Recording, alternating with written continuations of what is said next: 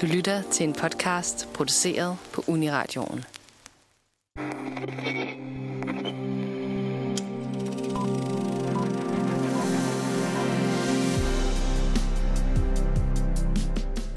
Elvis danser og synger igen. Bas Lerman har skruet op for intensiteten i den aktuelle biopic Elvis. Dine radioværter er blevet grebet af stemningen, og vi har taget blå ruskensko på og sat håret højt til ære for kongen af rock og lagt farverig makeup til en fest med Bas Lerman. I dag skal vi se, hvordan de to ting fungerer sammen filmisk. Så uden videre dekedarer, lad os take care of business. Velkommen til filmmagasinet Nosferatu.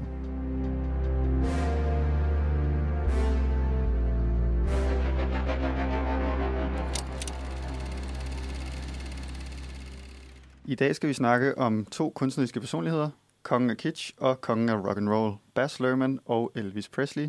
Vi skal snakke om, hvad der generelt kendetegner Baz Luhrmanns film. Vi skal prøve at komme ind på, hvem Elvis er, både som mytemand og musiker. Og så skal vi se på, hvad der sker, når Luhrmann laver en film om Elvis, og hvorvidt det fungerer. Det skal jeg naturligvis ikke gøre alene. Ved min side står Ida Pedersen. Hej Ida. Hej. Hvad husker du fra den nye øh, Elvis-film? Øh, jeg var meget glad for den, men jeg er også stor Elvis-fan øh, og Baz Luhrmann-fan, så det var bare en kombi, jeg var klar til. Ja, det ville være mærkeligt, hvis den ikke var god til dig. øhm, og Nana Nordeskov, hvad Hej. gjorde indtryk på dig? Hej. Jamen, øh, jeg tror, at det var, øh, det var helt klart øh, musikscenerne, der gjorde rigtig stort indtryk på mig i Elvis-filmen, og hvordan skuespilleren Austin Butler bare leverer en, en sindssygt god Elvis, og det, det var helt klart det, der gjorde størst indtryk på mig i det her fyrværkeri af en film. Ja, jeg er meget enig, og vi var jo alle sammen heldige nok til at komme ind og se den øh, sammen. Men du fik lov til at skrive en øh, anmeldelse til vores hjemmeside, nosferadio.dk, Nana. Og i den, øh, der skriver du, at Bas Luhrmann undersøger, hvordan en lidt genert country-sanger blev til ikonet Elvis. Men hvad kan du ellers fortælle om filmen? Jamen altså, det er jo... Øh, det er jo sådan en biopic, altså en biografisk film, som følger den amerikanske sanger Elvis Presleys liv, fra han er sådan omkring 18-19 år og lige er i starten af sin karriere, og så til hans død i 1977. Og øhm, det er som sagt Baz Luhrmann, der instruerer, øhm, og han er jo kendt for sådan nogle film som The Great Gatsby og Moulin Rouge og sådan noget. Og det er altså nogle vilde festfyrværkerier af nogle film, han kan formå at lave, og det, det gør han også her i Elvis. Så det er også en stor del af det, som vi skal komme ind på. Men, men i denne her film, der er det meget sådan, hvad kan man sige, øh, forholdet øh, mellem Elvis Presley og hans manager, som hedder Tom Parker, eller det var i hvert fald det, han gerne ville kendes som, Ja. Oberst Tom Parker. Fordi han er sådan en mystisk, djævelsk karakter, som på en måde lidt lokker Elvis i fordav ved at love ham berømmelse og guld og grønne skove, men, men på bekostning af Elvis' eget, øh, hvad kan man sige, liv og, og levende. Ikke? Øhm, så det er den her rejse, vi er på sammen med Elvis, øhm, og meget set gennem øjnene på manageren Tom Parker, der er det. Øhm, jeg synes, at som sagt, at der er vildt mange gode, seje scener, som virkelig også får lov til at få sin tid. Og Bas Løhmann er jo som sagt ikke bleg for at iscenesætte det store drama. Så der er virkelig mange scener, hvor vi ser Elvis optræde, som er rigtig fede. Men en af dem, som, øh, som jeg lige vil fremhæve her i starten, bare lige for at man kan få sådan en lille fornemmelse af, hvad det er, det er denne her første gang Elvis øh, optræder i Hayride, Louisiana, i det her lyserøde jakkesæt. Øhm, jeg ved ikke, om der er nogen... Altså, gjorde den også stort indtryk på jer, Mathis? Måske har du lyst til lige at sådan beskrive lidt, hvad der, der sker i den scene? Ja, den gjorde meget stort indtryk. Det er jo første gang, at vi ser Elvis som næsten voksen i hvert fald optræde, og han er bare altså meget mere spralsk, end jeg egentlig sådan husker ham. Altså i et fuldstændig lyserødt jakkesæt og med høj makeup, så altså meget, meget kontroversielt øh, på den her country-scene, og står og er sådan helt vildt nervøs og sådan prøver at fremstamme noget baby, baby, et eller andet sangtekst, indtil at der er en i publikum, der får nok og bare siger, at han er en, en faggot eller en fairy eller et eller andet virkelig slemt øh, homofobisk udtryk. Og så er det ligesom om, at han på trods bare samler al sin energi og nærmest bare med det samme bliver til sådan vores allesammens Elvis med alle bevægelserne og stemmen og bare får hele rummet til at eksplodere. Ida, kunne du også fornemme det for publikum? Meget, fordi der er jo også de her sådan, skud af Austin Butlers øh, nedre dele, som i, i en sådan bølgende bevægelse. altså, det er jo, det er jo meget øhm, tillokkende skud, og, sådan, og det siger ret meget, at Elvis også har været bevægelse, har været sex på en eller anden måde, som man bare ikke har set før i altså entertainmentindustrien. Så det er enormt sigende, at vi får introduktion til Elvis på den her måde, og pigerne og kvinderne i publikummet, de går helt amok. Øh, de bliver selv helt overrasket. Ja, ja. De skriger, det, det grinede vi meget af alle tre i biografen. Altså sådan, man ser de her skud af, hvordan kvinderne reagerer, og nærmest sådan mod deres egen vilje, så, sådan, så ja. er der bare sådan spontane, euforiske skrig blandt publikum. Det, de siger, det er ligesom, de får en følelse, som de ikke er sikre på, at de burde have. Men det kan ikke holdes tilbage. Og det er rigtigt, vi sidder og griner, men jeg synes faktisk også, det er dejligt. Jeg kan ikke huske, at jeg sådan har set et close-up skud af en mands underliv, dog med bukser på, og så close-up skud af nogle mennesker, der bare elsker det helt vildt meget. Ja. Så altså, det var et ret fantastisk øjeblik. Helt enig. Og altså, vi skal også ind på sådan Elvis som sex-symbol, og hvad han gjorde for sådan fankultur og forretning og alt det her, der er omkring at lave sådan en kæmpestor stjerne, som Elvis blev, altså en myte i kulturen i dag. Øhm, og som vi også ligesom har man kan ikke rigtig sige Elvis uden at sige sådan danse og stort spektakel og, og de her vanvittige kostymer, pink suits og øhm, sådan en nærmest superhelteagtige, fuldstændig hvide læder onesies, altså suits. Øhm, så det, vi ligesom skal tale om i dag, det er fordi, at ligesom Elvis, så er der altså også noget af Bas stil der kan beskrives sådan som noget, der er lidt forbudt på en måde. Lidt for sådan excessivt, lidt for dekadent og lidt for teatralsk, til man egentlig øh, man ja. ikke helt ved, om man bør nyde det. Lidt på samme måde, som de der kvinder, de har det med Elvis.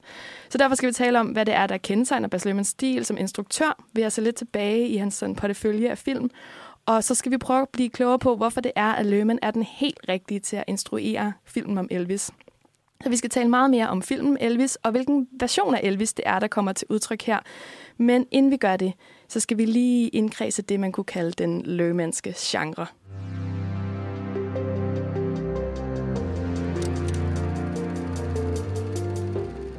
Og Ida, hvad kan du for eksempel så fortælle os om den Bas genre, som vi kalder det i dag? Ja, jamen, det er jo næsten, altså vi, han er autør, så vi kan jo næsten kalde det en genre, det han laver. Han er en af de instruktører, som bare virkelig har en signatur. Man er ikke i tvivl, når man ser et Bas værk Øh, han er også en af de instruktører, der ikke har lavet voldsomt meget, men til gengæld kommer han så med nogle ordentlige film en gang imellem. Og altså, jeg synes lidt at se en film, det er, med en af hans film, det er som at tage en rutsjebanetur for alle sanser. Altså, man bliver bare slået ud af den, men på den fedeste måde. Der er sådan en eksplosion af farver, klip, bevægelser, remixet musik og sådan lidt corny replikker. Så man får bare sådan lidt af det hele. Jeg kan godt forstå, hvis nogen ser en Bas film og bliver sådan lidt svært for at trække vejret, eller sådan overvældet på en eller anden måde. Jeg synes, jeg havde det faktisk lige præcis ligesom øh, kvinderne i det der klip, vi snakkede om før. Sådan, jeg ved ikke, om jeg bør have den her følelse, men jeg har den helt sikkert. Ja. da jeg, så jeg ved ikke, film. om jeg bør nyde den her ja. følelse, men det gør jeg nu. ja. Man skal lidt være sådan indforstået. Jeg snakker også med en, som havde set uh, Romeo og Julie-filmen, som jo tænker man, Romeo og Julie, okay, det, vi ved, hvad det er. Men hvis man ser Bas Lømmens version, mm. som vi også kommer til at snakke en lille, lille smule mere om, så kan man godt blive sådan slemt forskrækket i virkeligheden. Hun var meget sådan, hun så det med et date, og det var bare slet ikke den datefilm, de havde forventet, de skulle se, for det er jo sådan Romeo og Julie, men fortalt med gangsters, og replikkerne er stadig den gamle Shakespeare-replik, men alt andet er bare skrigende farver og sådan lidt Miami, LA, øh, 90'er-stemning, så man bliver overrasket øh, ved hans film. Men jeg synes, at for at komme sådan helt til bunds i forhold til, hvad det er for nogle ting, fordi man kan forklare den her mands værker på så mange måder, så vil jeg rigtig gerne slå fast i den film, der hedder Moulin Rouge, som er en af mine yndlings fra ham. Den er fra 2001, og den har øh, øh Hugh McGregor i, i hovedrollen som en, den unge poet Christian. Han kommer til London i 1899, øhm, og der kommer han til Montmartre, det område i Paris, hvor at der er den natklub, som hedder Moulin Rouge, altså derfra filmens titel. Og det er på et tidspunkt, hvor sådan, der er meget sådan boheme livsstil i Paris, sex, stoffer og kankeren er i centrum. Øhm, og Christian, han er altså romantiker og kommer hertil med det her sådan... Op, altså, han skal fornemme det her meget tempofyldte og sådan sjove miljø, der er der.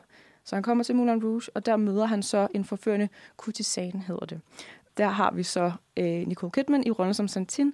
Hun er altså en form for sådan prostitueret, men for overklassen.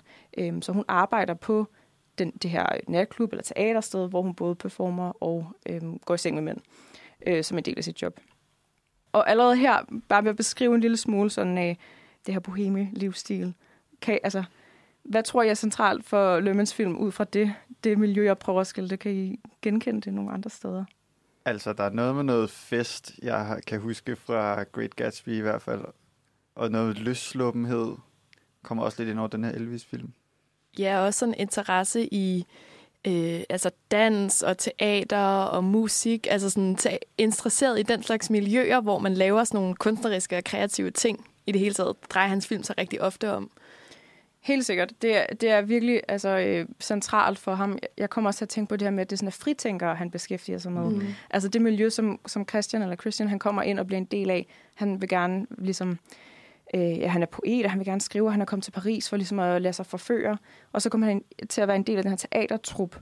Og, og det siger meget om, at Bas Lømmen, han ligesom beskæftiger sig med sådan et miljøer af fritænkere eller revolutionære, noget, nogen, som står i modsat til noget. Så i Moulin Rouge er det det her boheme-miljø i altså 1900-tallets Paris, men det samme er også i Great Gatsby, altså filmen fra 2013, hvor han altså, skildrer det her meget dekadente overklassesmiljø i øh, de, de brønde 20'ere i New York, øh, hvor man har sådan mennesker, der er Charleston dansende og bilræsende ja. igennem New York, øh, og personerne, hovedpersonerne er både utro, løgnagtige og voldsomt berusede.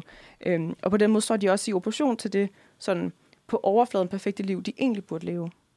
Ja, og det er faktisk noget, jeg synes, det er helt rigtigt, at, at han tit beskæftiger sig med fritænker, og i hans allerførste film, som jeg bare må sige med det samme, det er min yndlings Baz Luhrmanns film, og helt klart en af mine yndlingsfilm i det hele taget. Den hedder Strictly Ballroom, og den er fra 92. Det er hans første sådan film, og øh, den handler om øh, en ung mand på en danseskole, som drømmer om at danse sine forbudte trin til konkurrencen, til dansekonkurrencen. Og øh, der er det meget det her med, at han er en idealist, han er en sindssygt talentfuld danser, men han er også øh, mere end det. Han er på en eller anden måde en artist, der ikke bare vil danse standarddans øh, ud med nogle regler, som er helt fastsatte. Han vil gerne udtrykke sig selv. Der kommer noget inden fra ham, som han gerne vil udtrykke. Og for ligesom for hjælp til at udvikle den her side af sig selv, der, der får han så hjælp af øh, begynderdanseren Fran, som, øh, som har rødder i sådan et... Øh, Øhm, hun kommer måske hun kommer fra Argentina, hun er øh, immigrant, og hendes familie danser flamingo, og de kan, ligesom at de danser paso doble og sådan noget, og det ved, de, kan, de er ikke sådan etableret, men de er i kontakt med noget, der er større end dem selv, og de har musikken, og de har rytme i hjertet, og, og så gennem dem, så lærer han så at danse sådan øh, autentisk på en eller anden måde. Ikke? Så det er også meget det her med, at der er noget etableret, nogle rammer, som ligger nogle krav til vores... Øh, øh, hovedperson, vores held, og så gennem mødet med for eksempel en kvinde eller Elvis, der er det også meget det her med, at han, han, har, han kan noget helt særligt, som egentlig ikke er accepteret. Han er for fræk og for vrikkende og for løsluppen til denne her sådan, den, sådan, sådan, hvad hedder konventionerne, der er på den tid. Men han bryder med det, og, og på en eller anden måde bliver noget større end det, han, øh, han er. Han kæmper i hvert fald meget med det i filmen. Så det, det, jeg er helt enig i, at det, øh, det der med sådan fritænkeren, er, er, er der helt klart noget, som øh, Bas Luhrmann har en stor, stor forkærlighed for i sin film. Og det er også noget med sådan person, altså passionen, der sejrer. Altså ja. man skal ligesom komme i kontakt med sin passion. Og så godt nok i Gatsby, så er det jo igen, altså så er han jo også, øh, Bas Luhrmann, interesseret i de her meget sådan, historiske store skikkelser. Det ser vi både, når han har kastet sig over Great Gatsby, men han også har, altså med Romeo og Julie. Mm. Så han er også sådan, interesseret i de her meget store fortællinger. Øhm, og apropos Romeo og Julie, det er igen sådan et gangstermiljø, hvor der også er nogle altså, folk, der står i modsætning til hinanden. Hvor vi har to grupperinger. Altså, vi har Romeos familie og Julies familie. Fun fact om den øh, film, for den er jo sådan sindssygt ikonisk, det er ligesom, at, øh, at Romeo og, øh, og hans slæng, de holder til på stranden i det her nedlagte sådan, cirkus. Den er filmet i Mexico, men alle Bas Luhrmanns andre film er filmet i Australien. Han er også, altså det skal vi også huske at nævne, en australsk instruktør, og som går meget, altså jeg så i, for nylig så jeg logoet for, han har et produktionsselskab, der hedder øh, Basmark, fordi han hedder Mark til fornavn. Så det er Basmark. Basmark. Basmark Productions. Mm-hmm. Og i det logo er der også sådan det australske logo. Altså, jeg ved ikke, om I kender det, det med kænguruen og emuen, tror jeg, der, der ah. står som sådan logo for regeringen. Så han er meget sådan... Australien fixeret. Ja. Og det er jo faktisk sjovt, fordi han har også lavet en film, der hedder øh, Australia. Og det er vist hans fjerde film. Altså først Strictly Ballroom, så er det øhm, Roma og Julie, så er det Moulin Rouge, så er det Australia. Og Australia er sådan en kæmpe stort opsat film med Hugh Jackman, Hugh Jackman og Nicole Kidman i hovedrollerne igen, Nicole Kidman, øhm, som floppede ret stort. Og, og måske er det fordi, at øh, den film er, øh, det er en kærlighedshistorie, hvor Nicole Kidmans karakter kommer til den her range i den australske outback, hvor Hugh Jackman han er en rigtig brysk cowboy, og så øh, på trods, der finder de selvfølgelig hinanden og kærligheden. Og det de også gør, det er, at de øh, redder den her aborigine-dreng. Øhm, de, bliver, de her børn, de øh, indfødtes børn, bliver ligesom taget og sat ud på nogle øer.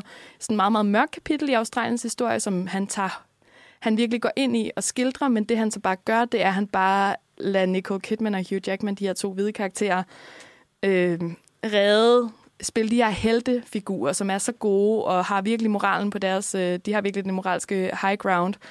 Øhm, så udover at der er det her vildt problematiske blik, hvide blik på de indfødte, så er der også er det også bare sådan dramaturgisk en sindssygt underlig film, hvor den, den er vildt lang. Den første halvanden time er en kærlighedshistorie, og den næste halvanden time, det er en krigsfilm, hvor 2. verdenskrig kommer til Australien, og samtidig med, at øh, Nicole Kidmans karakter skal redde de her børn, de kidnappede indfødtes børn, så kommer der samtidig lige også øh, et bombefly ind over bugten, hvor hun sejler ud. Så det, er sådan, det ender med at blive en mystisk hybrid krigsfilm, og så med det her underliggende sådan... Øh, altså, øh, virkelig lidt sådan usmagelige blik på, på forholdet mellem de hvide og de indfødte i Australien. Og jeg tror, man kan sige, at den er en karakteristisk Baz Luhrmann-film, fordi den er der, altså, der violinerne er dobbelt så store, som den største violin, man kan forestille sig, og bomberne er dobbelt så store, og øh, Nicole Kidman er dobbelt så smuk, og øh, du ved, og sådan den måde, man, når de for eksempel kører ind i Outbacken, så er det lavet som et kort, man ser, du ved, der er sådan masser af effekter og tam-tam, men, men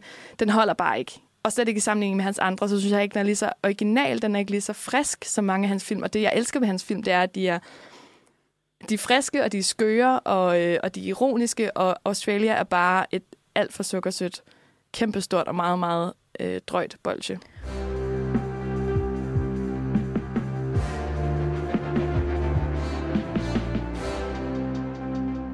Og det er en meget god pointe, det der med, at det er så ironisk eller så karikeret. Altså den måde, de spiller på, det er meget sådan overspillet.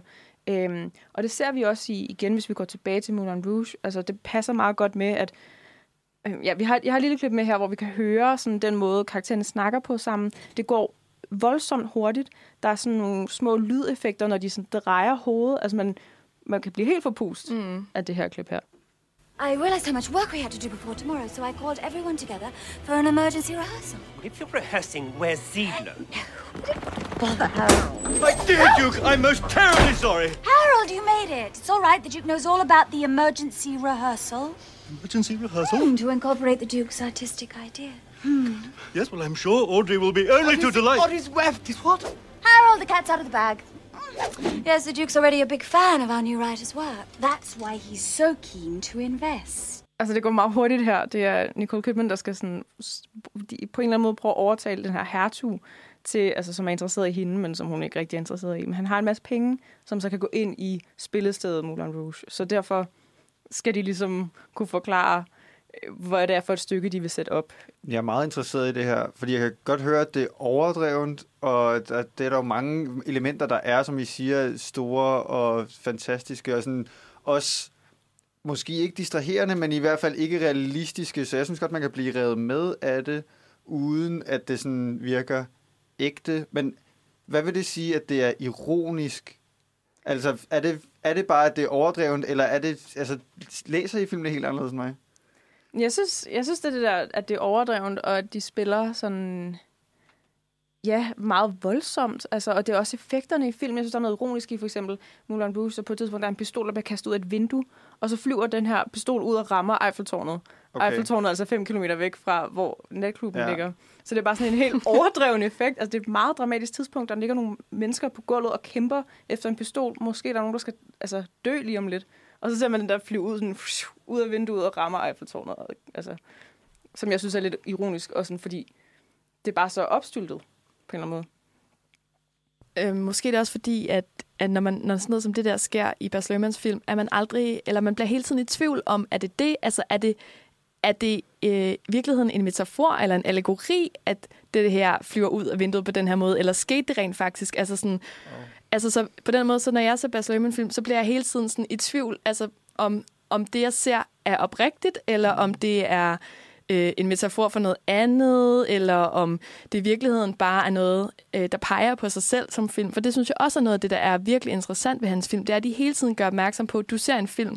Du mm. ser noget, der en, du ser en fortælling, som der er tilrettelagt på en særlig måde. Og jeg tror, det er derfor, det er ironisk. Det er, sådan, det er virkelig langt fra den naturlige fortælling. Mm. Der er hele tiden greb, som gør seeren opmærksom på, at man er seer til en film, og det kan være for eksempel fra øh, det meget ikonisk sådan teaterstart, hvor der er et tæppe, der går op, og et tæppe, der går ned i begyndelsen af en film, og hvor der står The End, så man ved, nu fortællingen slut, den er tilrettelagt, og nu er den slut, eller det kan være sådan noget som, at øh, nogen henvender sig direkte til kameraet, kan det mm. også være. Jeg har for eksempel også et eksempel fra igen Strictly Ballroom, hvor man får øh, sat scenen for, hvad, der, hvad den her film den handler om, øh, via at karaktererne selv fortæller det til kameraet, lidt som om det var en dokumentarfilm. Scott won most of the trophies in this room. You see, that's the tragedy. My son was a champion. Well, there'd been some silliness in the past, but we thought he was over it. I mean, we never imagined that he would do such a thing in front of... Federation President, Barry Fife!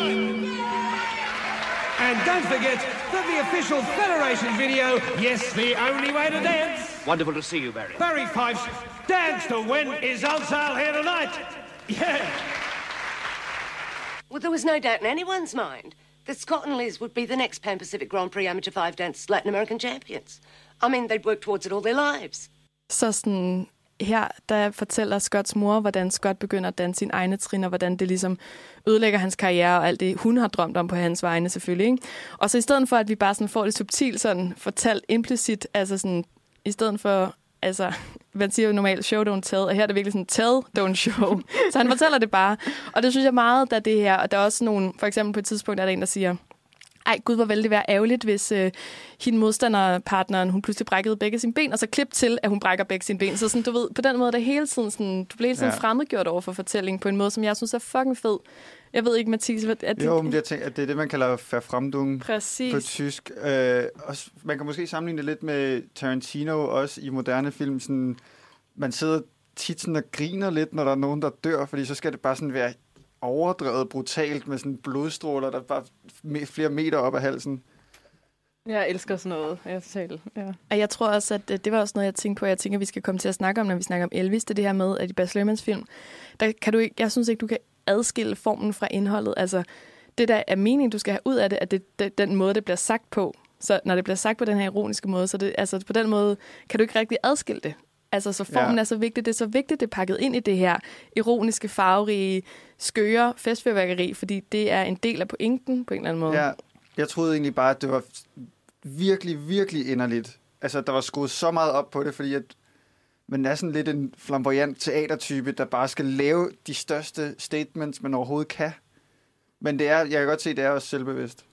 Det ja, altså 100 procent. Jeg vil også, øh, altså det er ikke fordi, han er, jeg synes egentlig ikke, han er sådan sentimental. Jeg synes bare, han er overdreven. Ja. Altså, han kan bare godt lide at skrue op for det hele. Måske det er det, jeg godt kan lide. Han er ikke sentimental, men han er, øh, han er, han er jeg, synes også, han, altså, jeg synes også, han er voldsom faktisk, ja. fordi det er så i talesat og så meget. Jeg, altså, det, er sådan, det peger på sig selv som overdrevet på en eller anden måde. Sådan, se, ja. hvor er det sindssygt, det vi gør her. Og sådan svimlende. Altså, jeg ja. synes, man kan få sådan en svimlende fornemmelse af hans film. Altså rent sandsligt, fordi det bare, der bliver skruet på så meget. Og altså, igen, det her også med narrativet, synes jeg også spiller meget i, at det gør de jo også i Moulin Rouge, hvor de også skal fortælle, det handler om, filmen handler om, en, at de skal sætte en, op, altså en opsætning af ja. et stykke op, som ham, Christian hovedpersonen, så har skrevet. Men han har, altså, når han pitcher historien, så fortæller han faktisk bare den fortælling, der lige er sket i hans eget liv. Altså, han lige har mødt øh, Nicole Kidmans karakter, mm. Santine, og han er forelsket hende, men hun, skal, hun er faktisk lidt lovet væk til en anden, fordi at ham, der skal give penge til stykket, han skal ligesom også i seng med hende for at føle, at han, altså han tager ligesom også ejerskab ja. over for hende. Så det er svært at forklare, men sådan, det slutter jo også med, eller sådan i, ikke, okay, det er ikke sådan en stor spoiler-ting nu, men i hvert fald der, bare på et tidspunkt, hvor ham, der er pengemanden, siger, nej, men hun skal jo gifte sig i stykket, hun skal jo gifte sig med den onde. Og så ja. må ham der, altså Christian så sige, men hun er ikke forelsket i dig. Hun er forelsket i ham der, digteren, der ikke en skid ja. penge har. så det er sådan, et fortælling i en fortælling. Så ja. når han skal stå og pitche en historie og sådan skal sælge den, så fortæller han bare sit eget liv, og så bliver det sådan, det er. Ja. Og det er også et rigtig sådan fremmedgørelsesgreb, det der med at have en fortælling i fortællingen. Noget andet, der også karakteriserer Bas Løhmanns øh, stil helt vildt meget, det er musik, altså musikalitet. Og det skal vi, øh, det skal vi også lige dykke lidt ned i.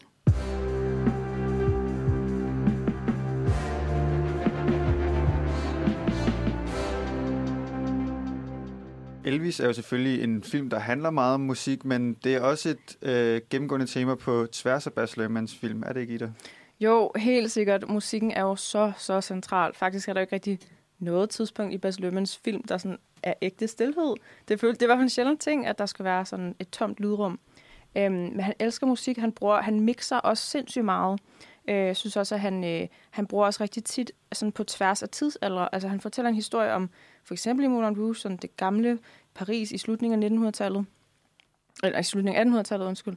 Og så, så er der Elton John med. Og det, hvad laver Elton John i Paris på det tidspunkt? Altså, det passer ikke sammen. Men og så alligevel passer måske det. ja, sjæleligt eller sådan spirituelt. Det, det, det er igen den der pegen på, at det er en fortælling. Så sådan, selvfølgelig kan Baz Luhrmann fortælle en historie fra gamle dage, men bruge popmusik og sådan, altså, bare, bare sådan fri leg. Han kan matche og mixe det hele, hvilket er vildt imponerende. Og mange af hans øh, albums har også, altså, er blevet sådan nomineret til store priser, blandt andet albumet til Great Gatsby, hvor vi har sådan nogle som Jay-Z og Beyoncé og Fergie med på. Jeg er ret sikker på, at, at øh, Moulin Rouge også blev altså, virkelig anerkendt. Altså, jeg kom bare lige til at tænke på, om I har nogle favorit... øh, Altså, sådan, er der Moulin Rouge, har du en favoritscene derfra, Ida? Altså, det må næsten være øh, den der Elephant Love Melody, tror jeg, den hedder, som starter også med Elton John-sang, øh, som er Your Song, som så mixer ind med alt muligt andet. Altså, den er virkelig, Og det virkelig er Ewan. McGregors Christian, der synger, ikke? Ja, og hans stemme er bare, åh, man bliver til smør. Det er, altså, det er så fantastisk. Virkelig, virkelig imponerende. Og igen med musikken spiller også altså, en, en stor rolle i introen også til Moulin Rouge, hvor vi hører først tonerne fra Sound of Music, hvilket er meget anerkendt musical, men sådan, det er jo ikke den fortælling, vi skal have. Men det passer bare ind, og selvom det er en musical, der bliver skrevet langt senere og ikke hører til i Paris på mm. det Mhm. tidspunkt, så bliver den stadig spillet ind, og ja, altså igen meget teateragtigt. Det er også igen sådan en, okay venner, vi skal se en musical, så lad os lige tage soundtracket fra en anden virkelig kendt musical, bare lige så, hvis nogen skulle være i tvivl. igen meget sådan overdrevet. Og sådan, han, han næsten, jeg jo godt, hvis nogen vil sige, at han var sådan lidt skadet, eller sådan, at han skaver sig, eller sådan, det er sådan lidt, det er for meget, ikke? Mm, altså, jeg har to, øh, som jeg virkelig elsker. Altså, den ene øh, er fra øh, Romeo og Julie, hvor at man bliver introduceret til Romeo til, øh, talk, øh, til Radiohead-nummeret Talkshow Host, som bare er sådan et virkelig sexy nummer, og så ser man bare sådan Romeo lige i starten, som har kærlighedskvaler. Han går på stranden i sådan sit suit, der ser sådan lidt slidt ud, og har sådan et langt, øh, det der sådan lyse hår, han Helt havde sådan her langt. Så fantastisk hår, og det er bare sådan, det er bare så godt set, altså det er bare så lækkert brugt. Øh, sådan cool og sejt, og sådan en vildt god introduktion til Romeo og Julie, eller til Romeo. Øh, altså, og selvfølgelig Leonardo DiCaprio som Romeo, som en meget, meget ung og, og meget sød Romeo. Og han spiller så også med i Gatsby, så der har igen Bas Luhrmann en, øh, en Ja, han har fundet noget der. der, ja, Ja. der kunne noget. Jeg bliver simpelthen også nødt til at nævne en anden øh, yndlingsscene, som jeg har, som er øh, igen fra Strictly Ballroom, hvor at øh, øh, altså den øh, elitedanseren Scott danser med begynderen Fran, øh, og de, det er lidt hemmeligt, fordi det er lidt pinligt overhovedet at være indgået i den her sådan det er lidt sårbart for ham at skulle danse sine egne trin, og Fran er jo bare en nybegynder, og desuden har hun briller i starten af filmen, som det så viser sig, at hun ikke har brug for, da vi når mod slutningen. Sådan, nogle, sådan en slags film er det også, ikke? Men der danser de op på taget af danseskolen, hvor der står et kæmpestort Coca-Cola-skilt, og så danser de til Cindy Laubers Time After Time, som er kærlighedstemaet i, i hele den her film. Så hver gang de har det romantisk, så hører man Time After Time, og så danser de i solnedgang foran det her skilt, Coca-Cola-skiltet. Og Ida, er det ikke sådan også en rimelig tydelig Baz Luhrmann ting at have et skilt? Jo, fordi han har en eller anden obsession med bogstaver og avispapirklip og altså tv-klip og sådan noget. Han har bare et eller andet med medier, som han bruger igen, det der en fortælling. Han bruger en fortælling til at lave en fortælling. Eller sådan. Han, han er bare vildt interesseret i det. Så, så hvis du ser en Bas Luhrmann-film, og der er sådan avisartikler, der flyver rundt, eller der kommer en overskrift, og så forsvinder den igen, eller at der er et ja, Coca-Cola-skilt, eller et neon-skilt, Øh, også i Romeo og Julie starter også med, at vi har en tv-skærm, øh, hvor at, at historien om Romeo og Julie så bliver læst op, øh, og så zoomer vi ligesom tættere og tættere på tv-skærmen øh, i sådan det her meget øh, slørede billede. Og det er bare så vildt pop at han har så meget referencer til skilte og bogstaver, og altså, han var bare vildt fascineret af medier og ja, avisartikler også. Øhm, så alle hans karakterer bliver ligesom også ofte, så er der også karakterer, der bliver skrevet om i aviserne i deres fortælling, eller fortalt om i TV-avisen, som det er hos øh, Romeo og Julie. Og jeg tænker, vi lige hører et klip her. Two households. both alike in dignity, in fair Verona, where we lay our scene. From ancient grudge break to new mutiny, where civil blood makes civil hands unclean. From forth the fatal loins of these two foes, a pair of star-crossed lovers take their life. Så det er jo altså, rammesætningen for Romeo og Julie, som, som er sagt igen i det her Shakespeare-sprog, men hvor det bare er en kvinde, der sidder og læser nyhederne op. Sådan, Mm. øh, altså en helt Kan almindelig aften. forestille jer det? Sådan TV-avisen, der bare er verdensklasse poesi. ja. Og det er sjovt, den der, hun, hun, diktionen er, t- er nyhedsvært, ikke? Men teksten er gammel, og sådan er det jo det hele vejen igennem, at det er sådan, de går rundt og siger de her smukke, smukke sætninger, og så kommer de bare ud af nogle total 90'er smarte munde. Ja, det er, det er altså ret vildt. og Det, og det er spændende, hvordan han sådan han mixer og matcher både altså musikken, sproget, tidsalderne. Altså der er ligesom der er ikke nogen regler i en Baz film. Det er bare tage det hele og blande det sammen, og så bliver det forhåbentlig til noget større og noget bedre. Det er sådan æstetik, ikke? Det er sådan, passer det ind i æstetikken, så er det, så er det nice. Mm. Ja, helt sikkert. Øhm, en Men si- Jeg synes også, at æstetikken kan give en øh, rød tråd.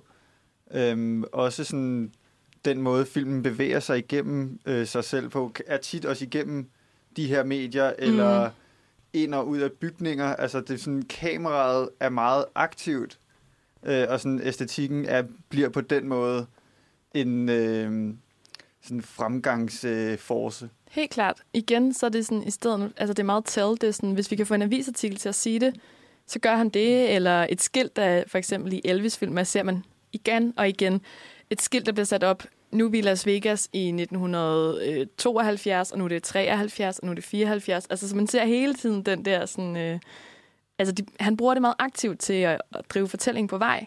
Øh, og det synes jeg fungerer mega godt. Der er også igen med kameraet, altså den her sådan susen, hvor vi hele tiden han har de her meget sådan store billeder, brede billeder, sådan nogle skud af, altså for eksempel Manhattan, sådan i Great Gatsby, og så zoomer man ind, og så flyver han fra det ene hus til det andet. Og sådan, man Følger der, efter en bil, hvor nogen der sidder og har en fest. Ja, og og kører over broen. Ja. Øh, altså, der, der er bare hele tiden, man er sådan, kameraet er på evig, sådan, ikke flugt, men sådan, det flyver bare rundt Mm. og zoomer ind og ud, og vi har også igen i Great Gatsby, Great Gatsby hvor at vi filmer sådan, vi ser en, en skyskraber, så filmer vi sådan hele vejen ned ad den, til vi ser oppefra Tobey Maguire, der kigger op og tager sin hat af, og sådan på den måde hilser kameraet velkommen. Ja. Øhm, og også, der er jo sådan en virkelig god sådan spisescene i Great Gatsby, hvor vi også ser bordet op fra, så han, er sådan, han er, har det også helt fint med at være sådan den der helt oppe fra, kigge ned, og så en scene, der bare er vildt vel øh, instrueret og sat sammen, sådan så det bliver altså, fantastisk at se på de her. Og man skal være klar på, at det skifter. Han har også nogle gange billeder, der sådan fader. Og, Mm. altså, der, slow-mo, der er også tit noget, slow, øh, noget, hvor de går i langsomt, hvor det lige er sådan en, en vild reaktion, så får man lige lov til at se den helt langsomt gengivet.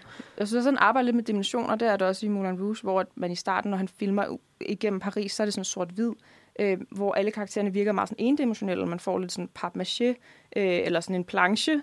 Den planche af Paris, før filmen så endelig går i gang. Så der er hele tiden en bevægelse og en leg med sådan dimensioner, og han er slet ikke bange for sådan pixelerede eller rystede billeder. Altså, og igen, det er derfor, man også godt kan få sådan, uh, Altså, blive, få lidt meget. altså de første 20 minutter af den Elvis-film, som vi var inde og se her for nylig, altså der var jeg sådan, det var igen, det var som at sidde i en rutsjebane, jeg var sådan, huh, kan han holde den her kørende i filmen ud, og det, der kom lidt mere ro, men jeg synes, de første 20 minutter, det var bare sådan det vilde rit af sted ud i alt muligt rock and roll og fede dragter og Elvis, og det var, det var en kæmpe fornøjelse. Ja. Det synes jeg virkelig, det var. Jeg synes både, det er hans styrke og hans svaghed.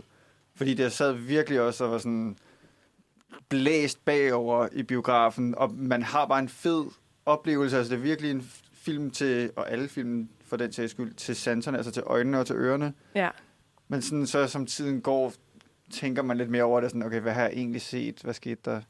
Ja, og sådan, hvad står tilbage som det Ja. emotionelle Ja. indtryk på en eller anden måde. Og der tror jeg mere stadigvæk, at jeg har Austin Butler og, Mm. og musikken og farverne og, og det skøre med. Øhm, ja, så sådan, men det er jo en balance, men jeg synes godt nok, at, øh, at han leverer på det Luhrmannske i den her Elvis-film, som vi skal snakke meget mere om, meget mere altså ind i, hvad det er for nogle, for nogle Elviser, vi ser, og, øhm, og også den her sådan, forretning, og også lidt, hvem Elvis egentlig var.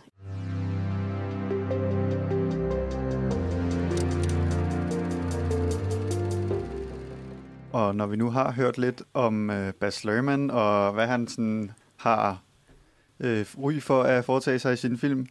Så lad os se lidt på, hvad der sker i Elvis-filmen. Øh, fordi vi følger ham, som sagt, som fra han var ret ung, eller der er i hvert fald klip til øh, hans ungdom, og blandt andet det musik, der ligesom påvirker ham øh, meget. Og der, jeg ser det i hvert fald meget, som der er to hovedår, som også er meget sigende, fordi han kommer fra den øh, by, der hedder Tupelo, men i et øh, sort kvarter. Og det er faktisk to sorte musikgenre, eller sådan klassisk sorte, også sådan, øh, specielt gospel øh, har meget stærke sorte rødder stadig. Øh, så det er jo den ene af dem. Det er jo den religiøse øh, sorte kirkemusik med store kor, øh, som virkelig har sådan en stærk euforisk fællesskabsfølelse, og man ser Elvis komme ind sådan i en øh, kirke bare med et kæmpe stort sort kor. Han er sådan en hvid dreng, der kommer, ligesom bliver trukket hele vejen op foran, og sådan ender med at, at blive besat eller tale i tunger, eller sådan virkelig overvældet af den her musik og sådan det spirituelle i det.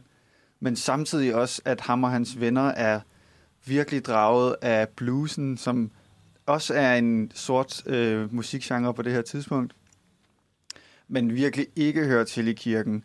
Det er den, sådan, den syndige, øh, mere sådan klassiske fader til rockmusikken, som man kan se, de sådan, øh, kigger ind gennem huller i væggen for at se øh, nogle, ja, lad os, jeg ved ikke, hvad for en profession de har, men der er nogle, meget, nogle voksne mennesker, der danser tæt til en, øh, til en øh, bluesgitarrist, der virkelig kringer sin sjæl ud, og som der bliver klippet tilbage til senere, i, når Elvis også selv øh, øh, optræder faktisk. Altså sådan, der kommer et split screen, hvor der er tre forskellige performances i gang på samme tid. Der er en ældre Elvis, en ung Elvis, og så den her, øh, jeg kan ikke huske, om det var Little Richard eller B.B. King, som øh, det var, inde i det her skur, og hvor de alle sammen taber ind i den samme sådan, følelse, som, som bluesen bare kan levere.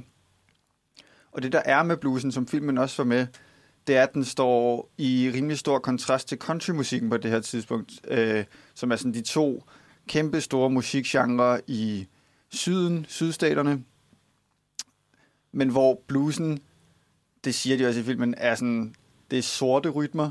Det kan man ikke have på en øh, country festival for eksempel. Og countryen er også meget sådan, det er den hvide musik. Den er sådan virkelig, øh, også lidt til den dag i dag, prøver at sådan afskærme sig selv. Og for at tage nogle eksempler, så Lil Nas X lavede den sang, der hedder Old Country Road. Old, Old Town Road. Ja. Øhm, men som den kunne ikke blive nomineret til øh, country-priser. Og det er sådan noget, der bare har meget lange rødder med, hvem der har lov til at kalde sig country, og hvem der ikke er, fordi den er selvfølgelig også hip-hop, men der er også hvide countrymusikere, der har været hip-hop og sådan country-rap, så det, det er meget sådan, hvem der kan tillade sig hvad, er på en måde subtilt, på en måde overhovedet ikke subtilt. Øhm, og man kan bare sige generelt med musik, øh, hvis man lige skal få en lille lektion øh, med herfra i dag, så er det svært at sige, hvor det kommer fra. Øhm, og sådan noget som country, der jo øh, virkelig hylder banjoen. Banjoen kan spores tilbage til Afrika. Så det er virkelig svært at sådan holde de her genrer øh, adskilt, og nok også ufrugtbart. Men øh, Mathis, når man så ser, hvordan Elvis han sådan lader sig inspirere meget af de her sådan traditionelt set sorte genre, kan man så sige, at Elvis han, han bare sådan overtager det, approprierer han det? Hvad, hvad, hvordan synes du sådan forholdet mellem race kommer til udtryk i filmen? I filmen tør jeg godt snakke om. I virkeligheden, der er jeg meget øh, i konflikt. Men i filmen virker det som om, at han hylder det, og at det er mega, mega fedt. Øhm, at altså, de gode gamle drenge, de elsker det. Det er B.B. King, han møder nogle gange, Ja. som virkelig opfordrer ham til at blive ved. Som også er en god ven af ham i filmen, Ja. ikke? Han er virkelig en god ven og støtter ham. Ja. Øhm, I virkeligheden, så tror jeg også, der er en, et kontingent fra den sorte musikalske befolkning, som synes, at han tog lige lovlig meget øh, fra den sorte tradition, øh, og, og fik kredit for den. Og det kan man også, der er jo for eksempel et meget kendt John Lennon citat, hvor han siger, før Elvis var der ingenting. Og det er jo et fedt citat, altså, øh, og Elvis er selvfølgelig stor og har en kæmpe stor indflydelse på, øh, på kulturen, men det er vigtigt at understrege, at der var noget før. Der var nogle sorte kunstnere, som øh, Little Richard og sådan noget, som virkelig lavede nogle øh, fede ting, som Elvis også blev meget inspireret af. Lavede Elvis egentlig overhovedet sin egen musik, Mathis? Han var... Øh, Må jeg spørge? Ja. Men altså, Ida, du kender sådan rimelig meget til Elvis' biografi. Lavede han sin egen musik? altså, det der er med Elvis er, at øh, vi har jo allerede snakket om hans agent, ham her Conal øh, Tom Parker. Han arrangerede en rigtig god deal for Elvis, så rigtig mange Elvis-sange står Elvis, som om altså, han har været medskriver på sangen. Men det var ligesom et must, hvis du skal arbejde sammen med Elvis, så har han skrevet sangen sammen med dig. Mm. Også som han egentlig ikke havde. Så der er i bund og grund, er jeg ret sikker på, at der kun er to altså sange fra Elvis, hvor han rent faktisk har skrevet dem. Øh, og den ene af dem er måske endda kun titlen, han har fundet på. Okay. Så Elvis er faktisk ikke kendt som en stor sangskriver. Det var mere Nej. folk, der skrev til ham. Ja. Og så har han også sådan fortolket mange andre, sådan meget, altså i forvejen meget kendte ballader, men som så er blevet store, når det så er blevet en Elvis-sang. Så han var ikke sådan den store lyriker, men han var sindssygt dygtig øh, i forhold til øh, at forstå, hvordan musikken skulle sættes sammen. Øh, han, han var selv ligesom medproducer på rigtig meget af det, han lavede, så han havde mere sådan det der producer-vinkel på musikken.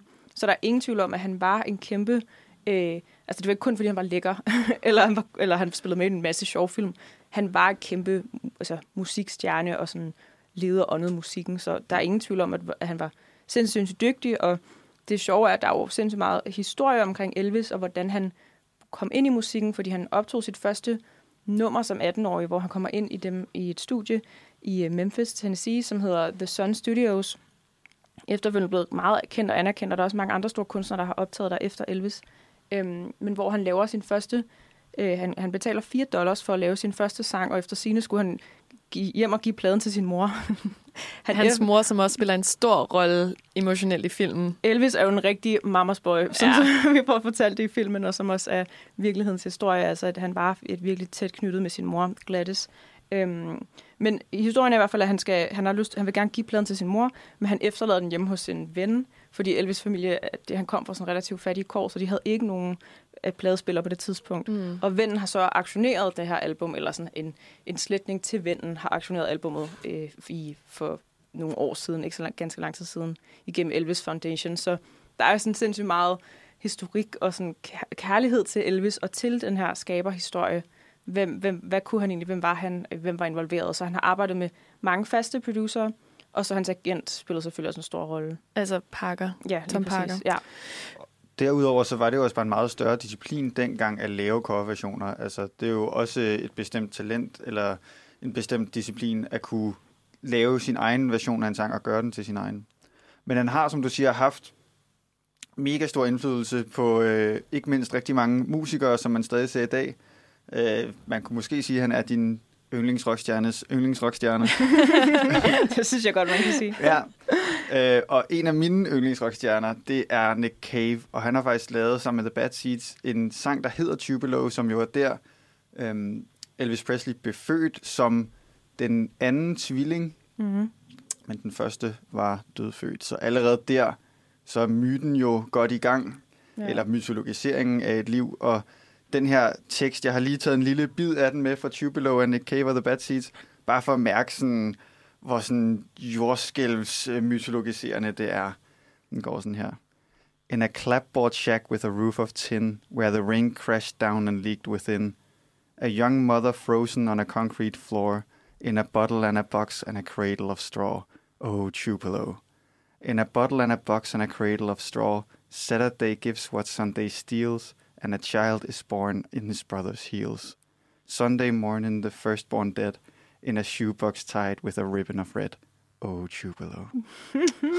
det er jo totalt meget også i det her sådan sydstats øh, øh, kærlighed, altså Tupelo i Mississippi, hvor at Elvis så blev født, og så senere flyttede han så til Memphis i Tennessee og gik på high school der. Men det er jo totalt meget jeg, tænk, jeg kommer også til at tænke på Dolly Parton, det er også meget det samme, at hun voksede op i det her Tennessee Mountain Home, og Ja. altså at, at der er ligesom lavet kopier af hendes, det hus, hun oprindeligt boede i i mange år med rigtig mange søskende, som jo bare var et, et skur mere eller mindre.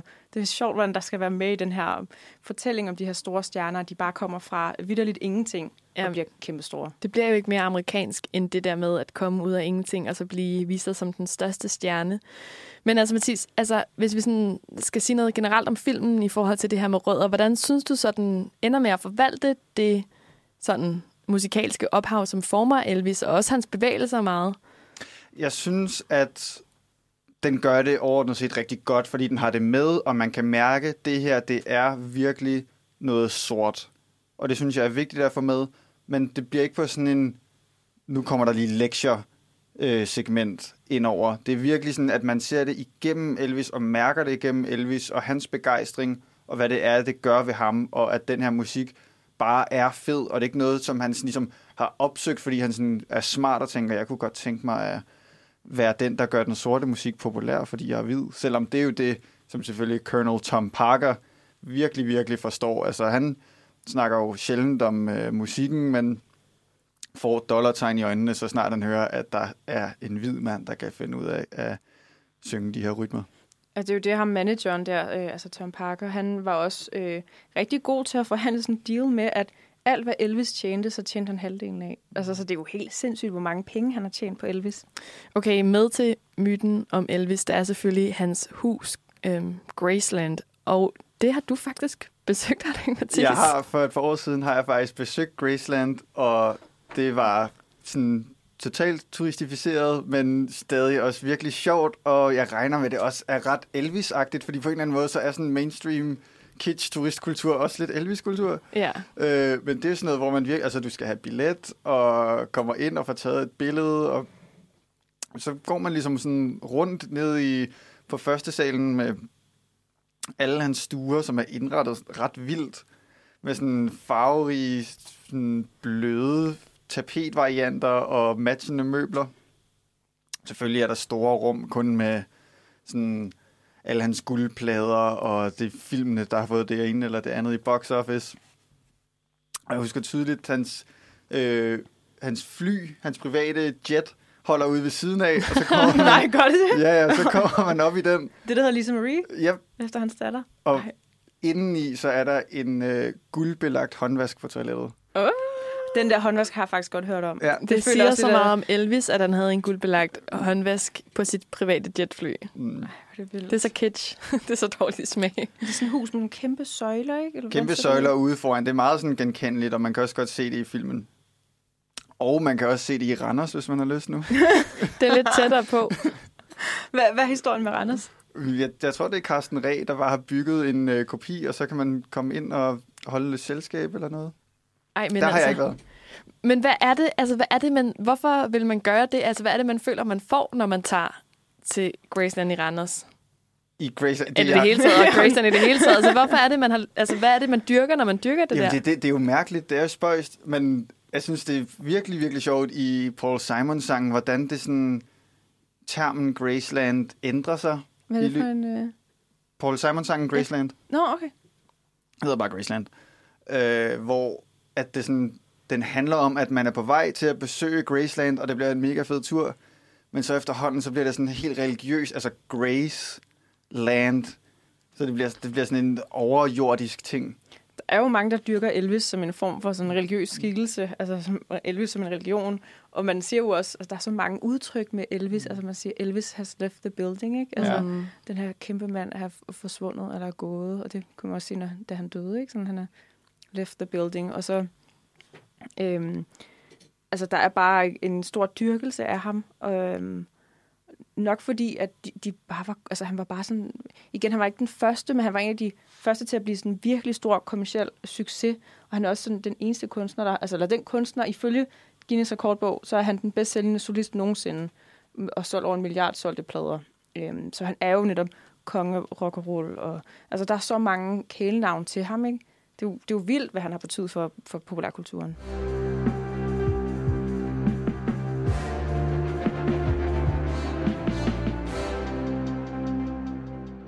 Men når, når I siger det her med, at, at du ved, han havde den her, det her ophavs, musikalske inspirationskilder og sådan noget, var Elvis så ikke også bare lidt den rigtige mand på det rigtige tidspunkt? Han havde helt sikkert også en masse personlighed. Det kan man også godt mærke, når man er i Graceland, at det er sådan noget, der var sådan baner til at køre rundt med øh, sådan ATV'er, og sådan bare fræse rundt, fordi den er sådan en drengerøv.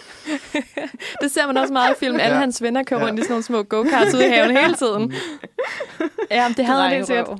Jamen, han er sådan en charmerende drengerøv. Ja. En gavtyv. Ja, en gavtyv, han var, han var vildt sådan...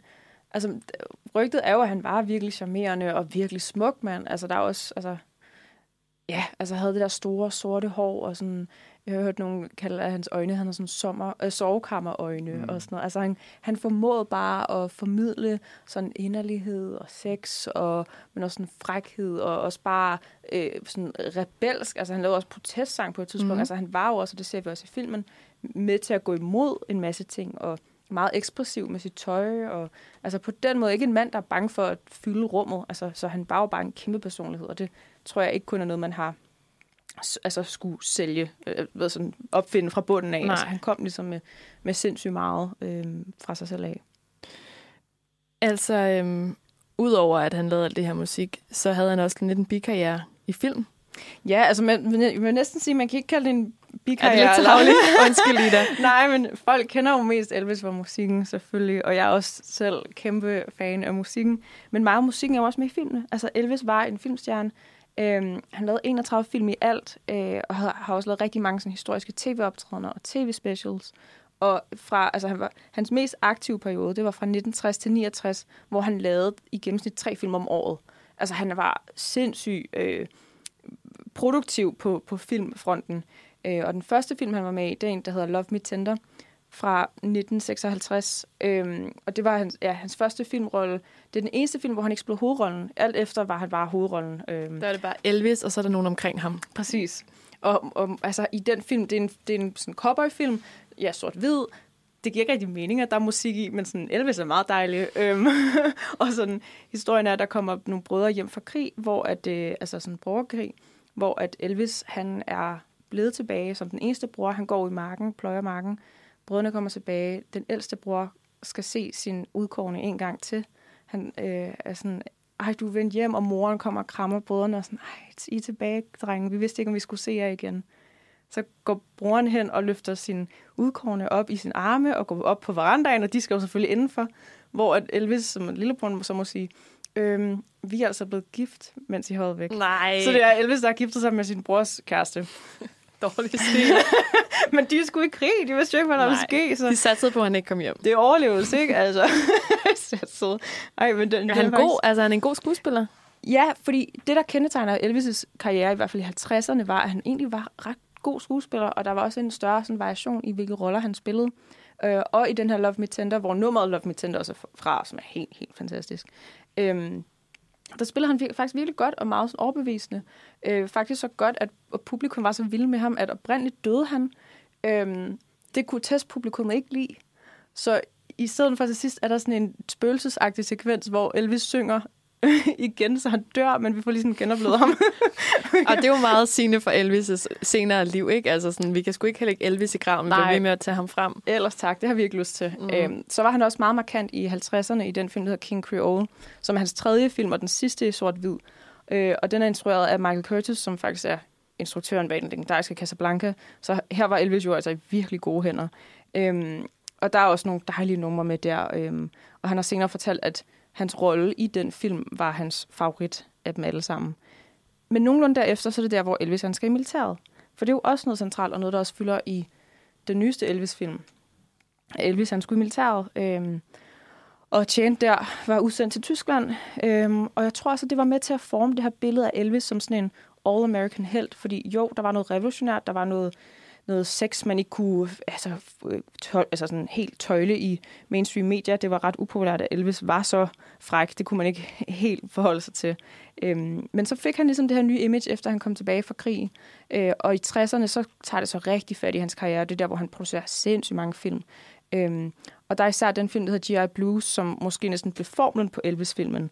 Fordi derefter, fordi han producerer så meget, fordi han får så meget det her også sådan renvasket image som soldatermand, så kommer han bare til næsten kun at spille sådan soldater, eller jeg tror også, han spiller sådan fisker, eller sådan nogle ret sådan øh, erhvervskyndige mænd, sådan, jeg skal bruge mine hænder, og så kan jeg også livrække hofterne-agtigt. Det er jo ikke en dårlig kombination. Nej, det er det ikke. Øh, hvad skal jeg sige en ting om Elvis-filmene, så er Elvis bare virkelig dejlig og lækker i mange af filmene, og musikken er skøn. Men det er ikke fordi, at den store filmkunst... Altså, jeg er også ret glad for Hallmark-film. Jeg synes godt, man kan sige, at... du, sådan, har, du har en stil. Jeg har en stil. Jeg har godt lige tænkt, der er kitsch og lidt dårligt smæl. Men øh, ja, Elvis er altså, undervurderet alligevel, synes jeg, i sin filmkarriere. Hvis man kan se igennem, at det ikke behøver at være totalt fint kulturelt, men også godt bare må være lidt, lidt åndssvagt. Fordi hans filmkarriere bliver lidt en pølsefabrik. Altså, Ja, det, det bliver meget sådan. det samme igen og igen og igen. Ja. Skal du hjem og se Elvis-film, Mathis?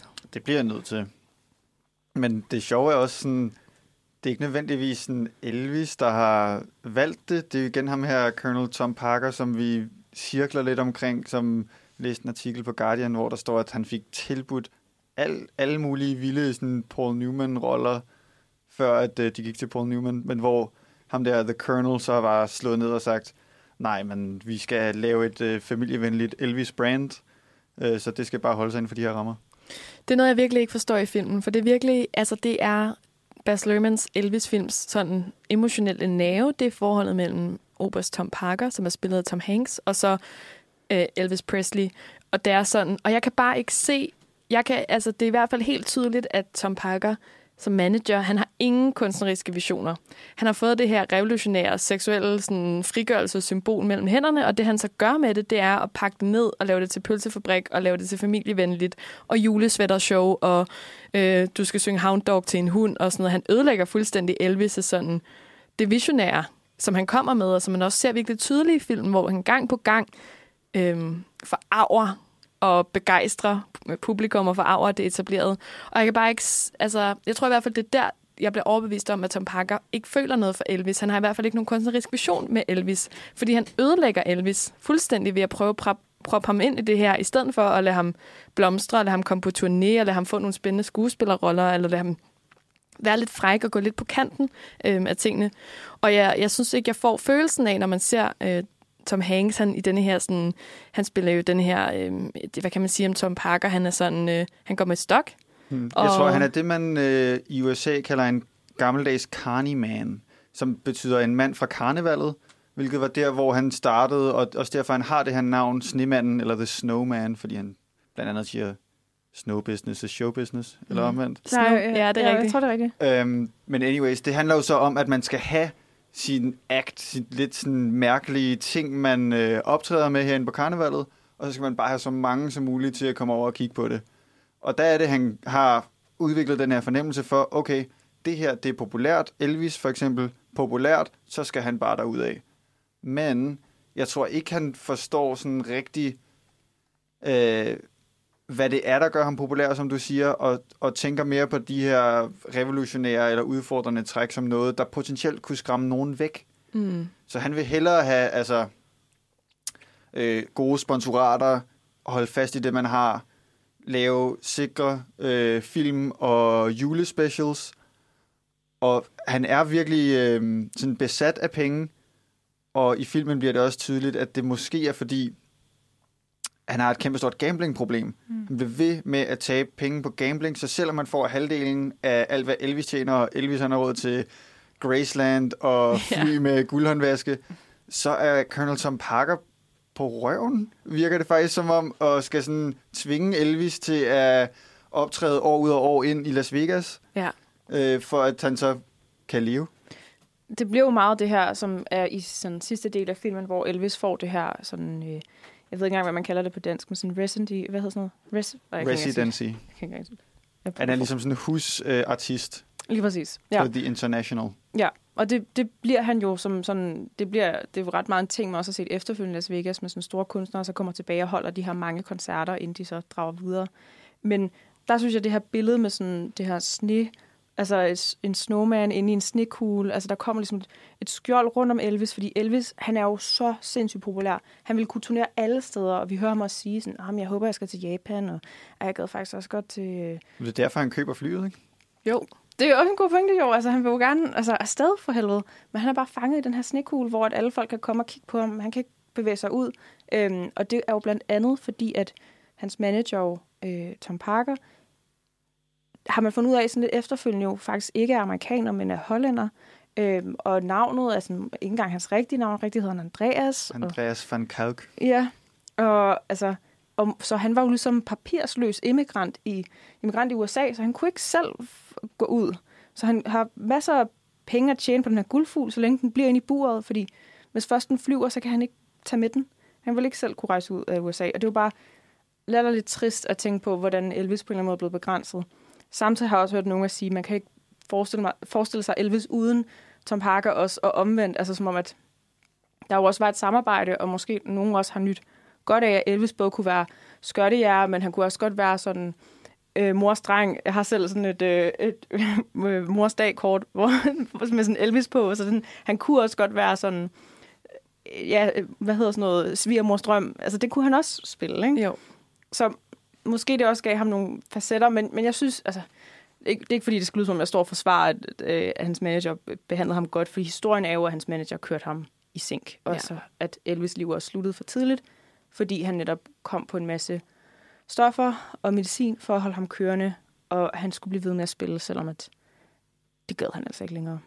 Der er den her sådan, i filmen, i Baz Luhrmanns film, der er der sådan ret sådan, der var en scene, der faktisk ramte mig sådan emotionelt, hvor at Elvis har været lige på vej ud i verden. Han har brudt, prøvet at bryde med Tom Parker, men, men Tom Parker får sådan økonomisk budet ham ind igen, så han, han kan ikke rejse ud. Og så vælger på en eller anden måde, så tager Elvis bare sin skæbne på sig. Han er sådan, jeg kommer aldrig til at blive den her frie fugl, der kan turnere omkring i verden på mit fly. Så han øh, går bare op og ligger sig i det her glasbur øverst i det her Hotel International i Las Vegas. Og så øh, ligger han så bare i sengen, og så kører gardinerne for, og så siger han til sin far, som også er direktør i det Elvis firma, som ligesom har, skulle have overblikket økonomisk, siger han, jeg vil bare have, alt bliver som før. Og så derfra, så ved man bare, nu skal han snart dø. Han har ligesom besluttet sig for at bare arbejde sig selv ihjel, for at støtte sin familie økonomisk, for at bevare Gracelands, for at bevare det her fly, for at have den her levestandard. Her, på en eller anden måde offrer han sig selv, eller accepterer skæbnen, og det synes jeg bare var sådan, det var enormt trist. Og der, så kort tid efter det, så i hvert fald i filmen, så, så dør han så, ikke? Men har vi ikke et, øh, et klip med den her mystiske, mystiske og, øh, og meget djævelske Tom Parker? When all is said and done now, was he happy with his career? Was he satisfied with his career, or was there was there any emptiness left? Well, I don't know, but I know one thing. When I told us to slow down, he said, I want to play more dates. So I booked more dates. I said, Well, I don't think you should. And he said, Well, that's what I want to do.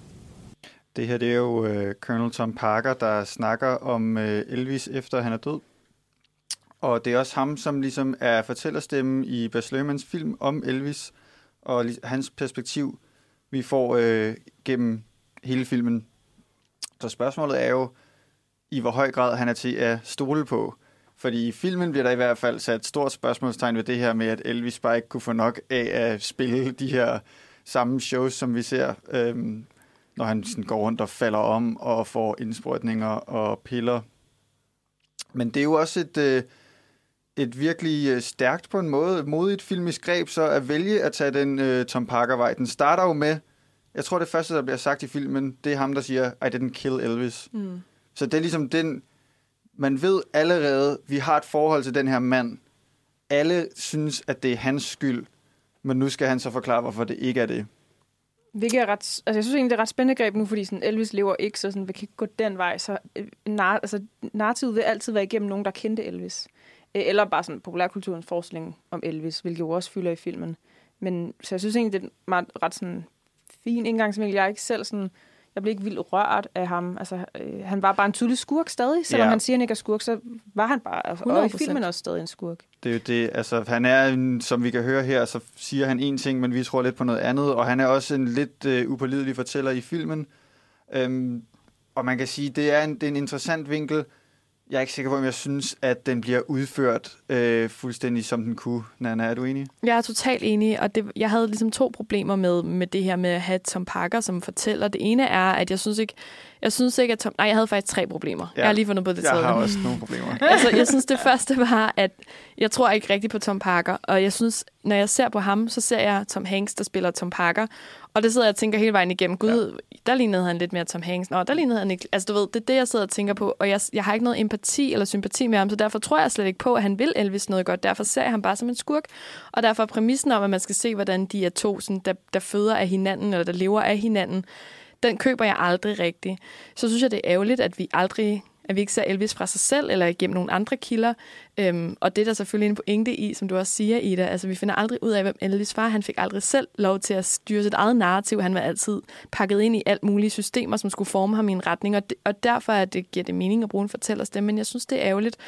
Øhm, og det, det tror jeg egentlig var sådan de to aspekter den tredje ting. Det der med, jeg tror ikke på, at han vinder. Jeg tror ikke på ham. Jeg, jeg, jeg ved ikke, hvem han er, og det er også en pointe, men man kunne godt have haft empati med ham. Man kunne godt have tænkt, okay, han er faktisk også en mand, der er kommet ud af ingenting. Han er endda statsløs, han er immigrant. Han har skabt sig alt det her. Han har, han har fundet en guldfugl, som blev meget større.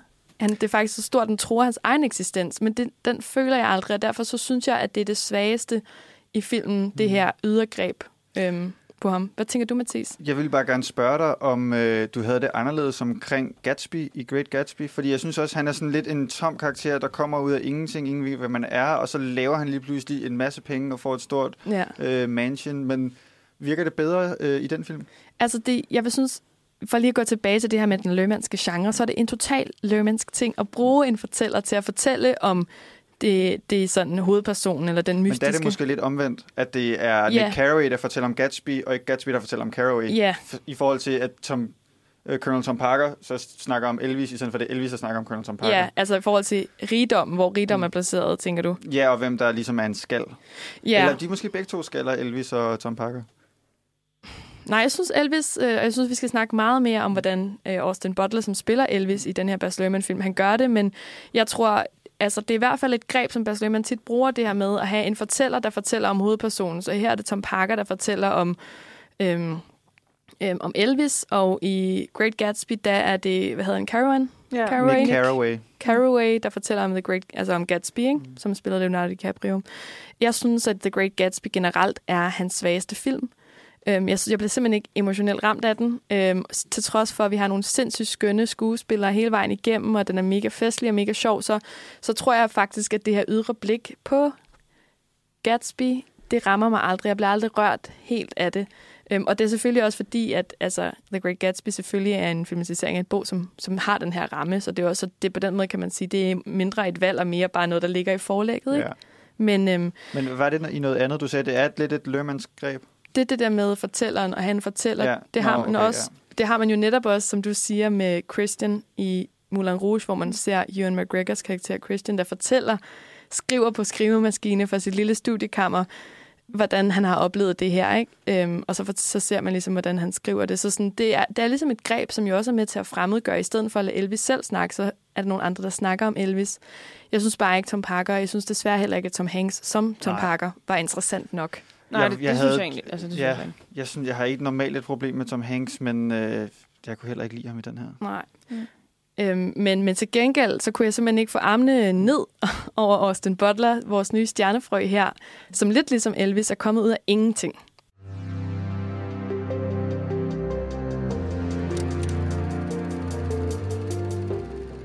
The press conference. Elvis, there have been a lot of rumors about your love life. Did you meet anyone special in Germany? Not any special one. Uh, there was a little girl that I was I was seeing quite often over there. That uh, her father was in the Air Force, and actually they only got over there about two months before I left. I was seeing her, and she was at the train at the airport when I left, and uh, there were some pictures made of her, but it was no big it was no big romance. I mean. Uh, the, the stories came out the girl he left behind and, and all that. It, it wasn't it wasn't like that. I mean, I had to be careful when I answer a question like that. Did you like the food over there when you would go out? Nå, Ida, hvad, hvad var det, vi lige hørte her? Jamen, det er Elvis, som snakker om Priscilla, ikke? Jo, altså den rigtige Elvis. Den rigtige Elvis. Virkelighedens Elvis, som efter, altså mens han er i Tyskland, møder Priscilla, som også er amerikaner, men er udstationeret over, fordi hendes far er også i herren. Mm. Øhm, og så interview, altså dem, han, det blev interviewet, spørger jo sådan, har du så mødt nogle søde derovre på den anden derovre, side af ja. Atlanten? Og det har han jo så, men han, hvad siger han? Han siger det... It was no big romance. No big romance? Hvad skal det betyde? Sådan, det, Ja. Han siger jo også selv sådan, at jeg skal passe på, hvad jeg siger, når jeg snakker med pressen. Så lige til sidst, han godt mærke selv, at han er gået lidt sådan skævt. Men kan det have noget at gøre med, at Priscilla, som han jo ender med at blive gift med, var meget ung ja. på det her tidspunkt? Altså, det kunne man jo godt tænke nu. Nu er du rygtebørsen, Ida. Vil du forsvare Elvis? Nej, det skal du ikke. Du skal ikke forsvare vil du, vil du Men forsvare forklar- ægteskab med... Nej. Øhm, det, der er med Priscilla, øh, er jo, at da de møder hinanden, der er hun 14. og Elvis er vel i sin start 20'erne, tror jeg. Ja. Øh, som også på det tidspunkt er et stort aldersforskel, selvfølgelig endnu større i dag.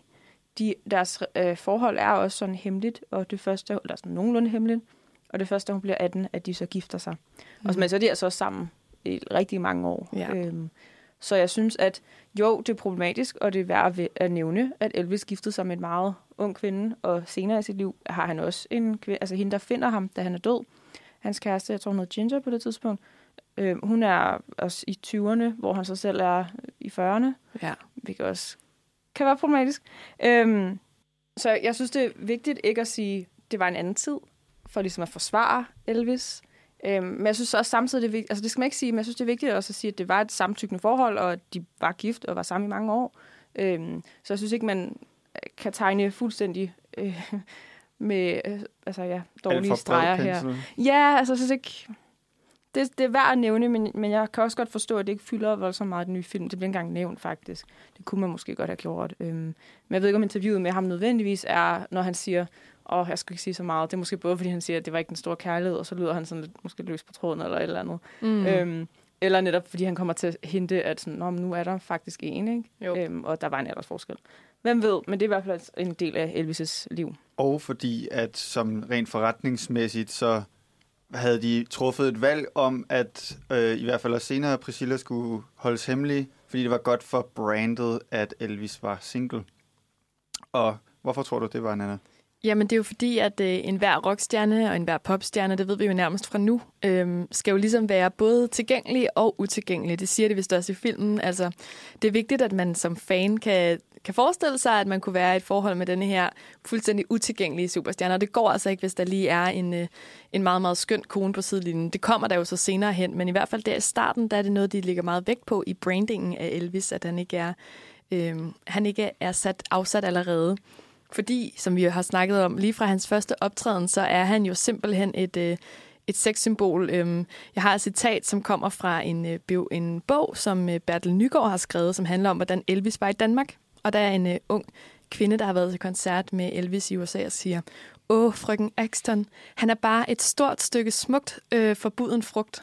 Og det er jo meget sådan... Øh, øh, det her med en følelse, du får, som du ikke er helt sikker på, om du bør nyde. Det er ligesom ja. det, som Elvis han gør for de her teenage-fans. Og det var altså um, alt, alt, alt, alt for meget efter datidens standarder. Altså, øhm, han, han er for fræk til datidens seksuelle normer, og øh, det han gør, og den måde han bevæger sin krop på, den måde han synger, det bliver sådan det her synonym med frihed, ungdomsoprør og frisind. Øhm, I kontrast til den kunstner, som hedder Hank Snow, som han øh, turnerer med i starten, som er en country, en hvid country-sanger, lidt ældre herre i et grønt øh, jakkesæt, som står meget stift på scenen og spiller lystigt på sin guitar, så er Elvis den her frigjorte, øh, bevægelige, lidt større. Han har det her store suit på, så han også kan bevæge sig. Han siger også, jeg kan ikke synge uden at bevæge mig. Og øh, ligesom du påpegede før, Mathis, så er Elvis, siger Elvis selv, jamen jeg forstår ikke, hvorfor det her det bliver sådan et stort postyr. Fordi jeg har set masser af mennesker, der bevæger sig sådan her. Det er bare nogle mennesker, som er sorte og optræder nogle andre steder, som slet ikke har de samme muligheder for sådan at blive distribueret øh, ud omkring. Men øh, som sagt, så er den her Elvis-film af Baz Løhmann jo virkelig, virkelig, virkelig, virkelig meget, meget funderet på nogle meget, meget lange koncertoptagelser. Øh, eller øh, det ligner, altså, hvor man ser Elvis optræde, mens der måske sker et eller andet andet narrativt undervejs, men, men det er virkelig, vi får virkelig lov til at se ham performe. Og den mand, der skal være Elvis impersonatoren i denne her film, det er jo Austin Butler, som i hvert fald for mit vedkommende er kommet lidt ud af det blå. Øhm, var I en, han kendte, kendte du ham, Mathis, før? Han kendte ikke mig, og jeg kendte Nej, ikke ham. nej, det kan komme til. ja, forhåbentlig. Han virker mega som en fed fyr, og virkelig både en god skuespiller, og faktisk også en god sanger. Mm. Altså, jeg er ret vild med ham i den her film. Jeg kendte ikke til ham. Øh, det eneste, jeg vidste, eller det eneste, jeg har hørt andre folk også vidste om, han var, at han havde datet Vanessa Hudgens. Ja. Hvilket jo ikke siger noget omkring, hvem han er som skuespiller, Nej. eller hvad han kan. Men det var sådan, måske hans claim to fame. Ja. Indtil det. Det må man sige. Øhm, Kendte du ham, Nana? Nej, øh, jeg vidste også, at han var Vanessa Hudgens ekskæreste, og øh, har været med i sådan, en, altså sådan nogle serier, sådan, ikke af den sådan højeste dramatiske kaliber. Øhm, jeg ved, at øh, Baz Luhrmann blandt andet også havde øh, Harry Styles, den engelske sanger Harry Styles, i spil til rollen som øh, Elvis. Men jeg synes altså bare, at der er et eller andet over Austin Butler, som virkelig gør, jeg tror på det. forhold til Tom Hanks, som jeg hele tiden tænker, det er Tom Hanks, der spiller Tom Parker, så tænker jeg faktisk her, at jeg bare ser på en, en Elvis, en person, et menneske, som har de her drømme og håb. Øhm, og jeg ved, at øh, Austin Butler, han virkelig gav sig selv fuldt ud for at blive Elvis, og, og det her store, den her store byrde, der jo er, når man skal, når man skal gestalte kongen af rock and roll selv. Øhm, så vi har lige, øh, jeg synes, lige skal prøve at høre, hvordan det lyder, når han lige sådan switcher ud og ind af sin Elvis. Like an example is uh, when he was 19 and he goes on the Louisiana Hayride. It's, it's 1954. And his voice, you know, he's nervous. His voice at that time, you speak a lot faster when you're nervous. And, and also, he was young. And so his voice at that point was like, uh, uh, uh, well, I'd like to say how happy we are to be down here. It's a real honor for us to be, get a chance to appear on Louisiana Hayride. Yeah. It's like that. Yeah. Ja, jeg synes altså, øh, han kan noget. Øh, og, og som man selv siger her, så findes der mange forskellige slags Elvis, da han er ung og lidt ældre, og så er han gammel. Øhm, og i filmen, der distribuerer de ham som, som forskellige slags Elviser. Der er en, der er ung og rebelsk, og så er der en lidt mere familievenlig, og så er der en anden, der til sidst øh, har det her Las Vegas-show, hvor han har de her nærmest superhelteagtige tøj på. Og, øh, og i den her Bertel Nygaard-bog, som, som virkelig er interessant, der, der beskriver han ham også som den mandlige Marilyn Monroe. Øhm, altså et sexsymbol, en fri krop. Øhm, og, og det er, er interessant, fordi at Elvis er en af de første, som ligesom vender det der blik, øhm, som jo ma- normalt meget har været fra en mand til en kvinde, for eksempel Marilyn Monroe eller andre sådan øh, af datidens feminine eller kvindelige øh, symboler, så var Elvis en af de første, som var øh, som appellerede til kvinder, bredt i hvert fald på den måde, øh, at, at det på en eller anden måde er første gang, at det er kvinderne, der rejser sig op og skriger, eller det er kvinderne, som bare kaster sig ind over scenen, og de kaster deres undertøj op til ham, og, og de går helt amok over ham. Så sådan på en eller anden måde, så, øh, så bliver han symbol på den her sådan, frigørelse på en eller anden måde. Ida, hvordan, øh, hvordan synes du, de sådan får det vist igennem? Altså Elvis som, øh, som en, der omvender det maskuline blik på kvinden til et kvindeligt blik på en mand. Jeg synes, at det er jo centralt i, i filmen øh, hele vejen igennem, og det er formidlet virkelig, virkelig godt, og også i forhold til sådan Elvis' tøj. Altså, han er også sådan meget farverig, og hans hår, den måde, der sidder på, det er meget eksplosivt alt sammen. Som lykkes med, at Elvis netop, at han ikke bare er en stemme og en god musiker, og så kunne han bare altså, se ud af, ja, det var ikke relevant. Her det er ligesom fuld, den hele plade, der er med i den fortælling om, hvem han er, og det er jeg bare vild med, og jeg tror også, det er en af grundene til, at jeg virkelig elsker Elvis det er, fordi han er på en måde et udtryk for sådan en ekstrem maskulinitet. Altså, jeg ser ham som igen sådan meget maskulin, øhm, og at han netop kan sælge maskulinitet og være sexet i det. Mm. Øhm, og så på den, på den anden spil, fordi jeg elsker også Dolly Parton, som jeg også synes på en eller anden måde har altså igen nogle tråde med countrymusikken i hvert fald, og jeg elsker også Mariah Carey og sådan Jeg elsker også altså, de her kvinder, som er enorme sådan feminine. Ja. Det er det der spænd, altså jeg synes bare, Elvis han mestrer sådan det maskuline, men ikke på sådan en giftig eller meget ensidig måde. Det, det er bare sådan den der mørke stemme, det mørke hår. Han virker Det var- så til gengæld som om, at der i hvert fald i starten, der var jeg, det kunne jeg ikke huske, det var jeg aldrig sådan har set det helt unge Elvis, men på den der festival, øh, countryfestivalen Hayride, Ja der synes jeg, han var overraskende feminin, men det, ja, det passer stadig rigtig godt til det, I siger med øh, det kvindelige blik og seksualiteten. Virker meget frigørende. Jamen, det er det, der er ret sjovt. Altså, i medierne igen, så på den tid, så bliver han også be- be, sådan, beskrevet nedladende med som tøset eller iklædt pigebluse, kønsvæsen, altså noget dobbelttydigt på en eller anden måde, og som den der hayride-scene, som vi har snakket om flere gange, er der også en, der råber øhm, buttercup, altså sådan feminiseret udtryk om hans... Var det sådan- det, der blev sagt? Jeg tror, det er buttercup, der bliver sagt, Ja, ja, okay, men det er ja. ligesom det, der er betydningen, altså sådan et nedsættende sådan, øh, skældsord om, om han sådan en feminiseret mand på en eller anden måde, ikke? og hans, han har hår og makeup og sådan noget, men han er bare helt sin egen. Øhm, Han er nok bare så, jeg tror centralt, at han er så afslappet i det, han er så selvsikker i det, for jeg synes, maskuliniteten er nødvendigvis ikke bare, øh, altså, at man skal have vaskebræt og øh, gå i kaki, okay, kaki shorts, det er nok et dårligt eksempel, men sådan, den nye Indiana Jones eller eller andet, ikke? Mm. Det behøver, altså det skal, jeg synes, det er sådan, sådan det fedeste er på en eller anden måde, i sådan en meget maskulin energi, kan jo godt være bare at sådan hvile i det, man er. Og jeg synes bare, Elvis, han, han ejer bare alt ved det der. Men altså, det er jo lidt sjovt, fordi de har lige simpelthen svært ved at finde ud af, hvem han skal være igennem filmen. Altså Mathis, hvad, hvad for en form for mand, synes du Elvis er, eller hvad er det, han sælger? Først og fremmest så er det mærkeligt over min kakkeshorts nu. Men øh, ja, jeg synes, han kan da både være kærlig og... Øh, Ups.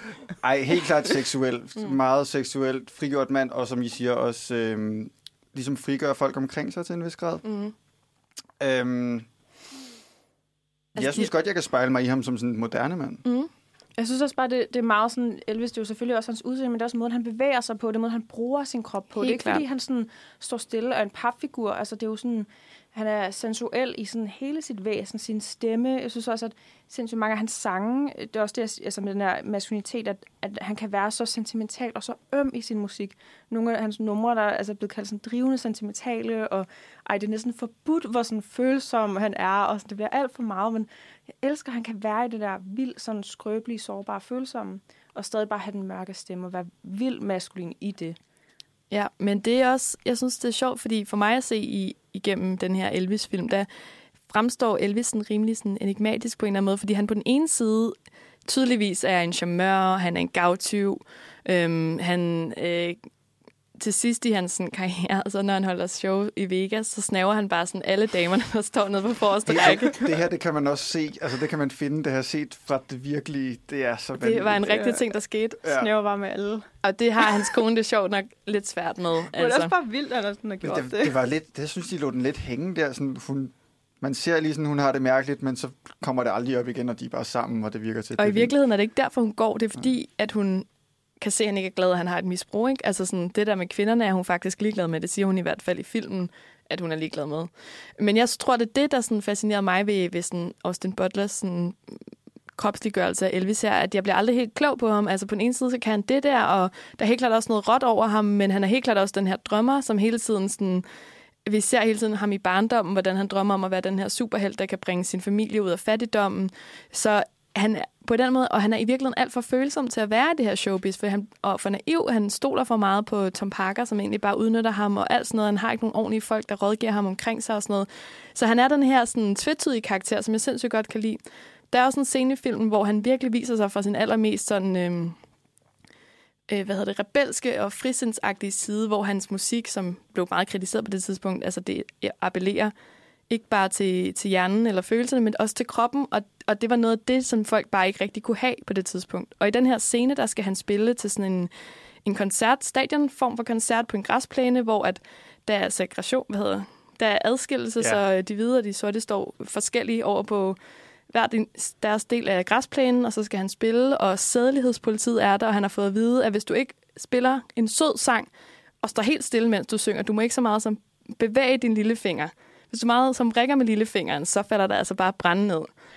Og så skal Elvis jo tage det her valg om, hvem vil han gerne være. Og Tom Parker synes bare, han skal spille en sød ballade, og så ikke mere pis med det.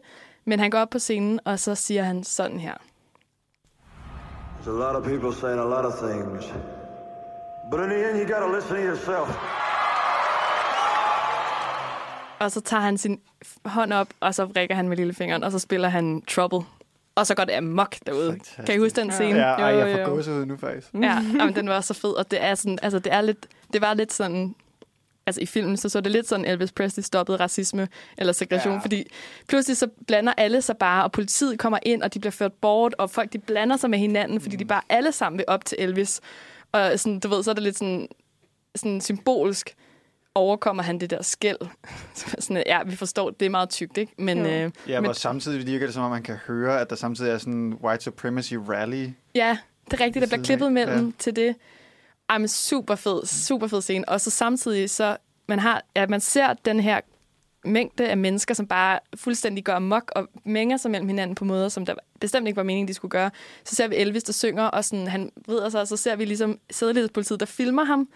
Så man ser sådan nogle klip, hvor han lige, sådan, lige det, han sådan, laver et eller andet bræk med hofterne, eller støder, eller går ned på jorden, eller sådan noget, så, så er det ligesom taget billeder, så det bliver virkelig også fremhævet, hvordan altså det der, det er forbudt, det gør han, selvom han ikke må, og de får det på film, så sådan, du ved, og, og så så klip til det her øh, sådan, øh, white supremacy øh, rally, der er ved siden af, eller det er en eller anden racistisk Der er i hvert fald en, der holder en tale om øh, noget virkelig skidt racistisk. Ja. Og så, så sådan, det er den der blanding igen, ikke? Og der, igen, der er Luhrmann bare heller ikke bange for at øh, sætte det på spidsen der, ikke? Altså, det er det forbudte seksualitet, det er musikken, der frigør sig og binder folk sammen, og så er det over for de her onde, etablerede mænd, som vil sætte Elvis i bur. Det synes jeg var en sygt Ja. stærk scene. Ja, det er selvfølgelig også øh, kogt op og meget karikeret, men jeg synes generelt, de her musikscener, som der er en del af, de fungerer ret godt som helhed i filmen, fordi de sådan kommunikerer tit noget følelsesmæssigt, der er meget vedkommende for der, hvor Elvis er på det her tidspunkt, og bliver klippet sammen på alle mulige, der trækker tråde frem og tilbage i tid ja. og til forskellige karakterer.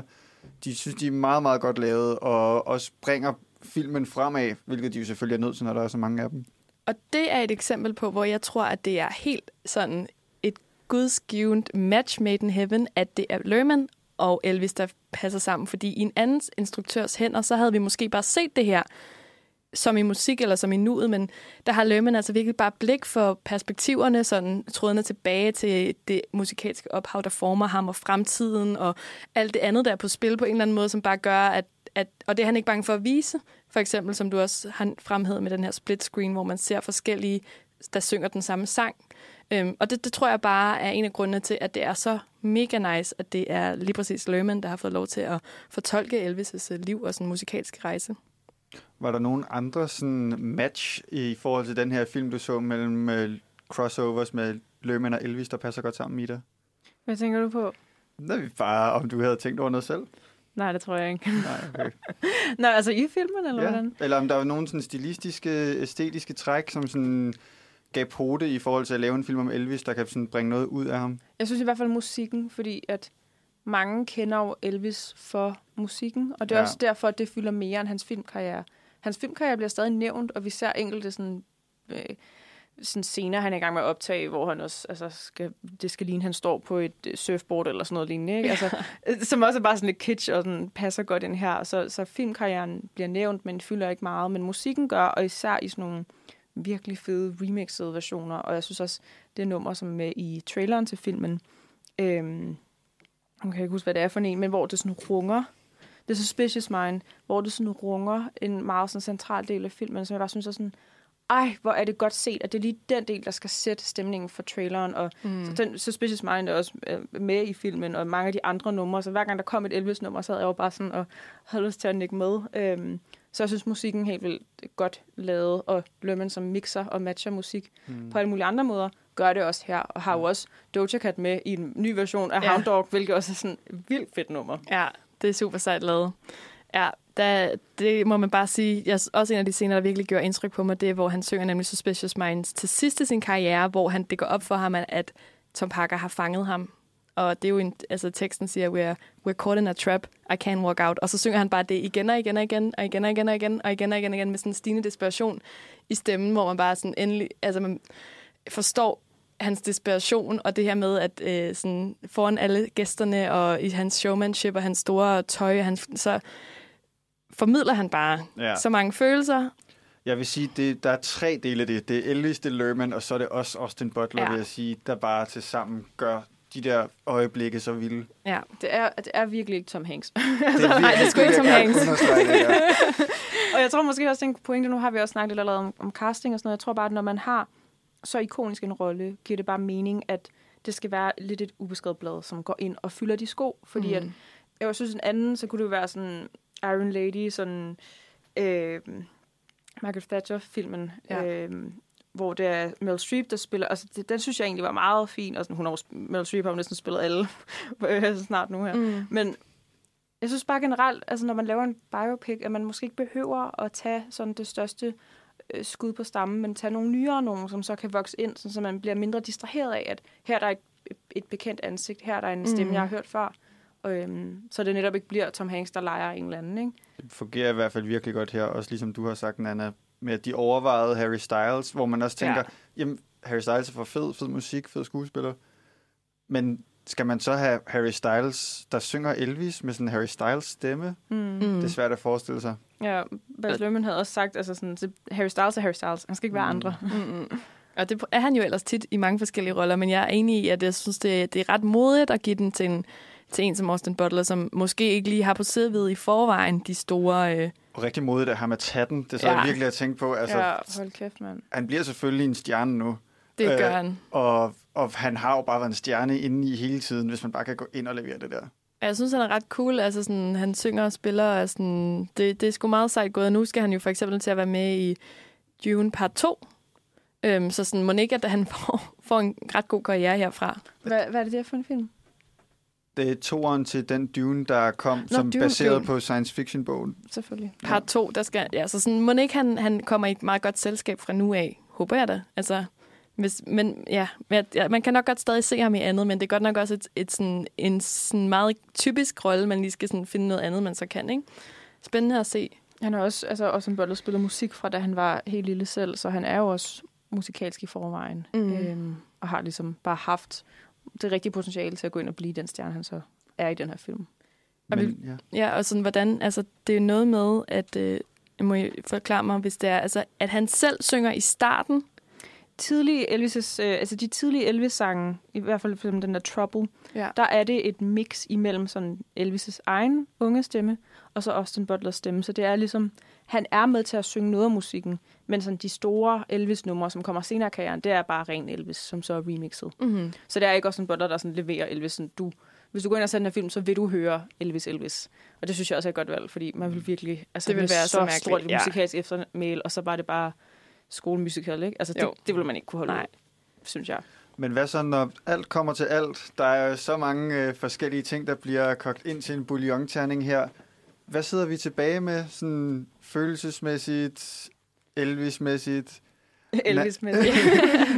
Nana, hvad, hvordan har du det med den her film nu? Altså, jeg vil sige, øh, jeg kom ud derfra og var totalt høj. Jeg har hørt Elvis i en uge. Jeg har tænkt meget over, hvordan jeg kan få inkorporeret noget Elvis i sådan min stil og det hele taget. og Sådan. Så det har virkelig sådan sat noget i gang. Og så synes jeg jo bare altid, at når man ser noget med Baz Luhrmann, så bliver man opløftet, og man bliver reddet med, og man får lyst til at gøre verden lidt mere magisk og lidt mere øh, teatralsk og dramatisk og vild og lidt mere fyrværkeri og ikke så meget hverdag. Så øh, med det i mente, øhm, der endte, endte jeg med at give den fire stjerner, og det kan jeg se er sådan lidt lunt. Der er nogen, der har givet lidt mindre, der er også nogen, der har givet mere, og det, der er meget til fælles for alle, det er, at Austin Butler øh, er mega god, og musikken er mega fed, og der er så mange fede numre, som, som jeg faktisk har lyst til at gå ind og se igen. Så på den måde kan man sige, at, øh, at selvom der er dele af den, for eksempel Tom, Tom Hanks, Tom Parker, som måske ikke er helt sådan så emotionelt gribende, så er der bare alligevel så meget saft og kraft og, og spænding i musikken i sig selv, at den er totalt værd at gå ind og se. Hvad med dig, Ida? Kunne du finde på at hive nogle andre med? Ja, men jeg kan næsten ikke sige det bedre, end hvad du allerede har sagt. Jeg synes virkelig, du rammer hovedet på summen der. Øhm, og jeg er helt enig. Altså, jeg synes, det kunne være sjov film at se med mine forældre. For Det tror jeg også. Ikke fordi, altså, det er bare sådan en, det kunne godt lidt være sådan en forældrefilm, sådan en, øh, at man, man så sammen med Den dem. er ikke for fræk til at se med sine forældre, men Nej, der er alligevel noget og sådan... Øh, De også, altså alle har et, alle, skulle jeg til at sige, alle har et forhold til Elvis. Altså jeg synes, når man siger til folk, at man er Elvis-fan, i hvert fald folk på vores alder, så er det ikke alle, der lige sådan forstår, eller sådan, Nå, det der er sådan lidt unødvendigt, eller sådan mystisk. ja. Øhm, så det kunne være fedt at sådan tage med ind med et eller publikum, som måske, ikke fordi mine forældre er Elvis-fan, men som fans, men som kender alligevel en smule til det. Øh, men jeg tror bare, altså jeg var sindssygt glad for den her film, men det er også næ- næsten igen sådan en forbudt kombi for mig, at det er sådan en af mine, de instruktører, allerbedst kan lide, og så en af mine yndlings sådan, stjerner. Altså, jeg kan jo ikke andet end at være glad, så Nej. jeg er nok bare meget farvet i forvejen. Eller sådan, det er svært for mig at have den der helt objekt, eller forsøgt objektive, kritiske altså, jeg kan også godt se alt det, I siger som, som det negative, og, og mm. ting, der sådan, kan pege i en anden retning, men ej, jeg skulle bare solgt, det er Elvis. det, ja, det må jeg indrømme. Jeg køber den faktisk også øh, ret meget. Jeg er ret enig med, hvad I siger, øh, og lander nok på det samme leje. Øh, jeg, jeg har ikke set Bas Luhrmann fra hans øh, bedste side nu. Det må jeg lige få rettet op på. Øh, jeg synes, en til lille have ved den her film er den sekvens, hvor at, øh, Tom Parker hele tiden skal gå rundt og sige, hvem tænker på sikkerheden i, Nå, ja. for den her tur. Det tager så lang tid Ja. i forhold til, hvor højt tempo der er på i den her film. Ja. Så kommer der sådan et mærkeligt stykke, hvor det sådan, ja, okay, vi har forstået det her nu. Ja, og vi, ja, præcis. Der, der sker noget omkring midten mod halvdelen af filmen, hvor det går for langsomt. Mm. Øh, hvor at vi mister energien, og vi ved nu efterhånden, at øh, Tom Parker, han har ikke rent mel i posen. Nu skal vi bare vente på, at alle de andre også finder ud af det. Ja, og som vi også siger, så Elvis ender med at være et enigma, og måske skal han bare være det for evigt. Men ellers så synes jeg også, der er plads til, at vi kan have en, to, tre flere Elvis-film, som bare gør det fra en anden side, og de kan godt eksistere sammen, og 100. alle sammen blive fede. Masser. Altså, jeg tror også, at derfor Elvis er en af mine sådan, yndlingsstjerner, fordi at jeg nok også godt på en eller anden måde kan lide fortælling om, at han aldrig helt altså selv blev forløst, eller sådan, og det er ret trist, men jeg tror bare, at jeg finder noget sådan, øh, stadig sådan interessant i, at være så stor en stjerne, og så stadig lidt misforstået. Det er sådan lidt en stereotyp, eller sådan lidt Ja. en... Øh, men jeg synes stadig, at, at den sådan Ja. har noget på sig. Eller 100 det, procent i det her tilfælde i hvert fald. Ja, det kan godt være, det var mig, der er super sentimental, men jeg synes bare, at det for, formår filmen også at formidle, at Elvis sidder fast i at være Elvis på en eller anden måde. Helt rigtigt. Øhm, jeg skrev i min anmeldelse sådan noget med, at jeg tror ikke, jeg forstår Elvis nu, men jeg forstår, hvor, jeg ved ikke, hvem, stadig ikke, hvem Elvis er, men jeg forstår, hvorfor han fascinerede så mange, og han, nu fascinerer han også mig. Øhm, og det synes jeg virkelig, at Baz Luhrmann han formår at formidle sindssygt godt. Men det kunne være ret interessant at se, hvordan en Elvis-film ville se ud i nogle helt andre instruktørs hænder. Men, men som sådan en, en Elvis-intro til nybegynderen, som bare elsker fest og farver og god musik, så synes jeg, at Baz Luhrmann han bare leverer altså over hele paletten. Så Ja. Helt enig. Øhm, og med det, så tror jeg, det er tid til at sige tak for i dag. Tak til Ida Pedersen. Selv tak. Tak til Nana Nordeskov. Tak. Ja. Jeg hedder Mathis Cetra Rasmussen. Vi er filmmagasinet Nosferatu. Du kan tjekke os ud på en masse forskellige podcastplatforme, blandt andet Apple og Spotify. Og så kan du læse blandt andet Nannas anmeldelse og en masse andre gode anmeldelser af relevante film på nosferadio.dk. Og nu er der kun tilbage at sige, Elvis has left the building.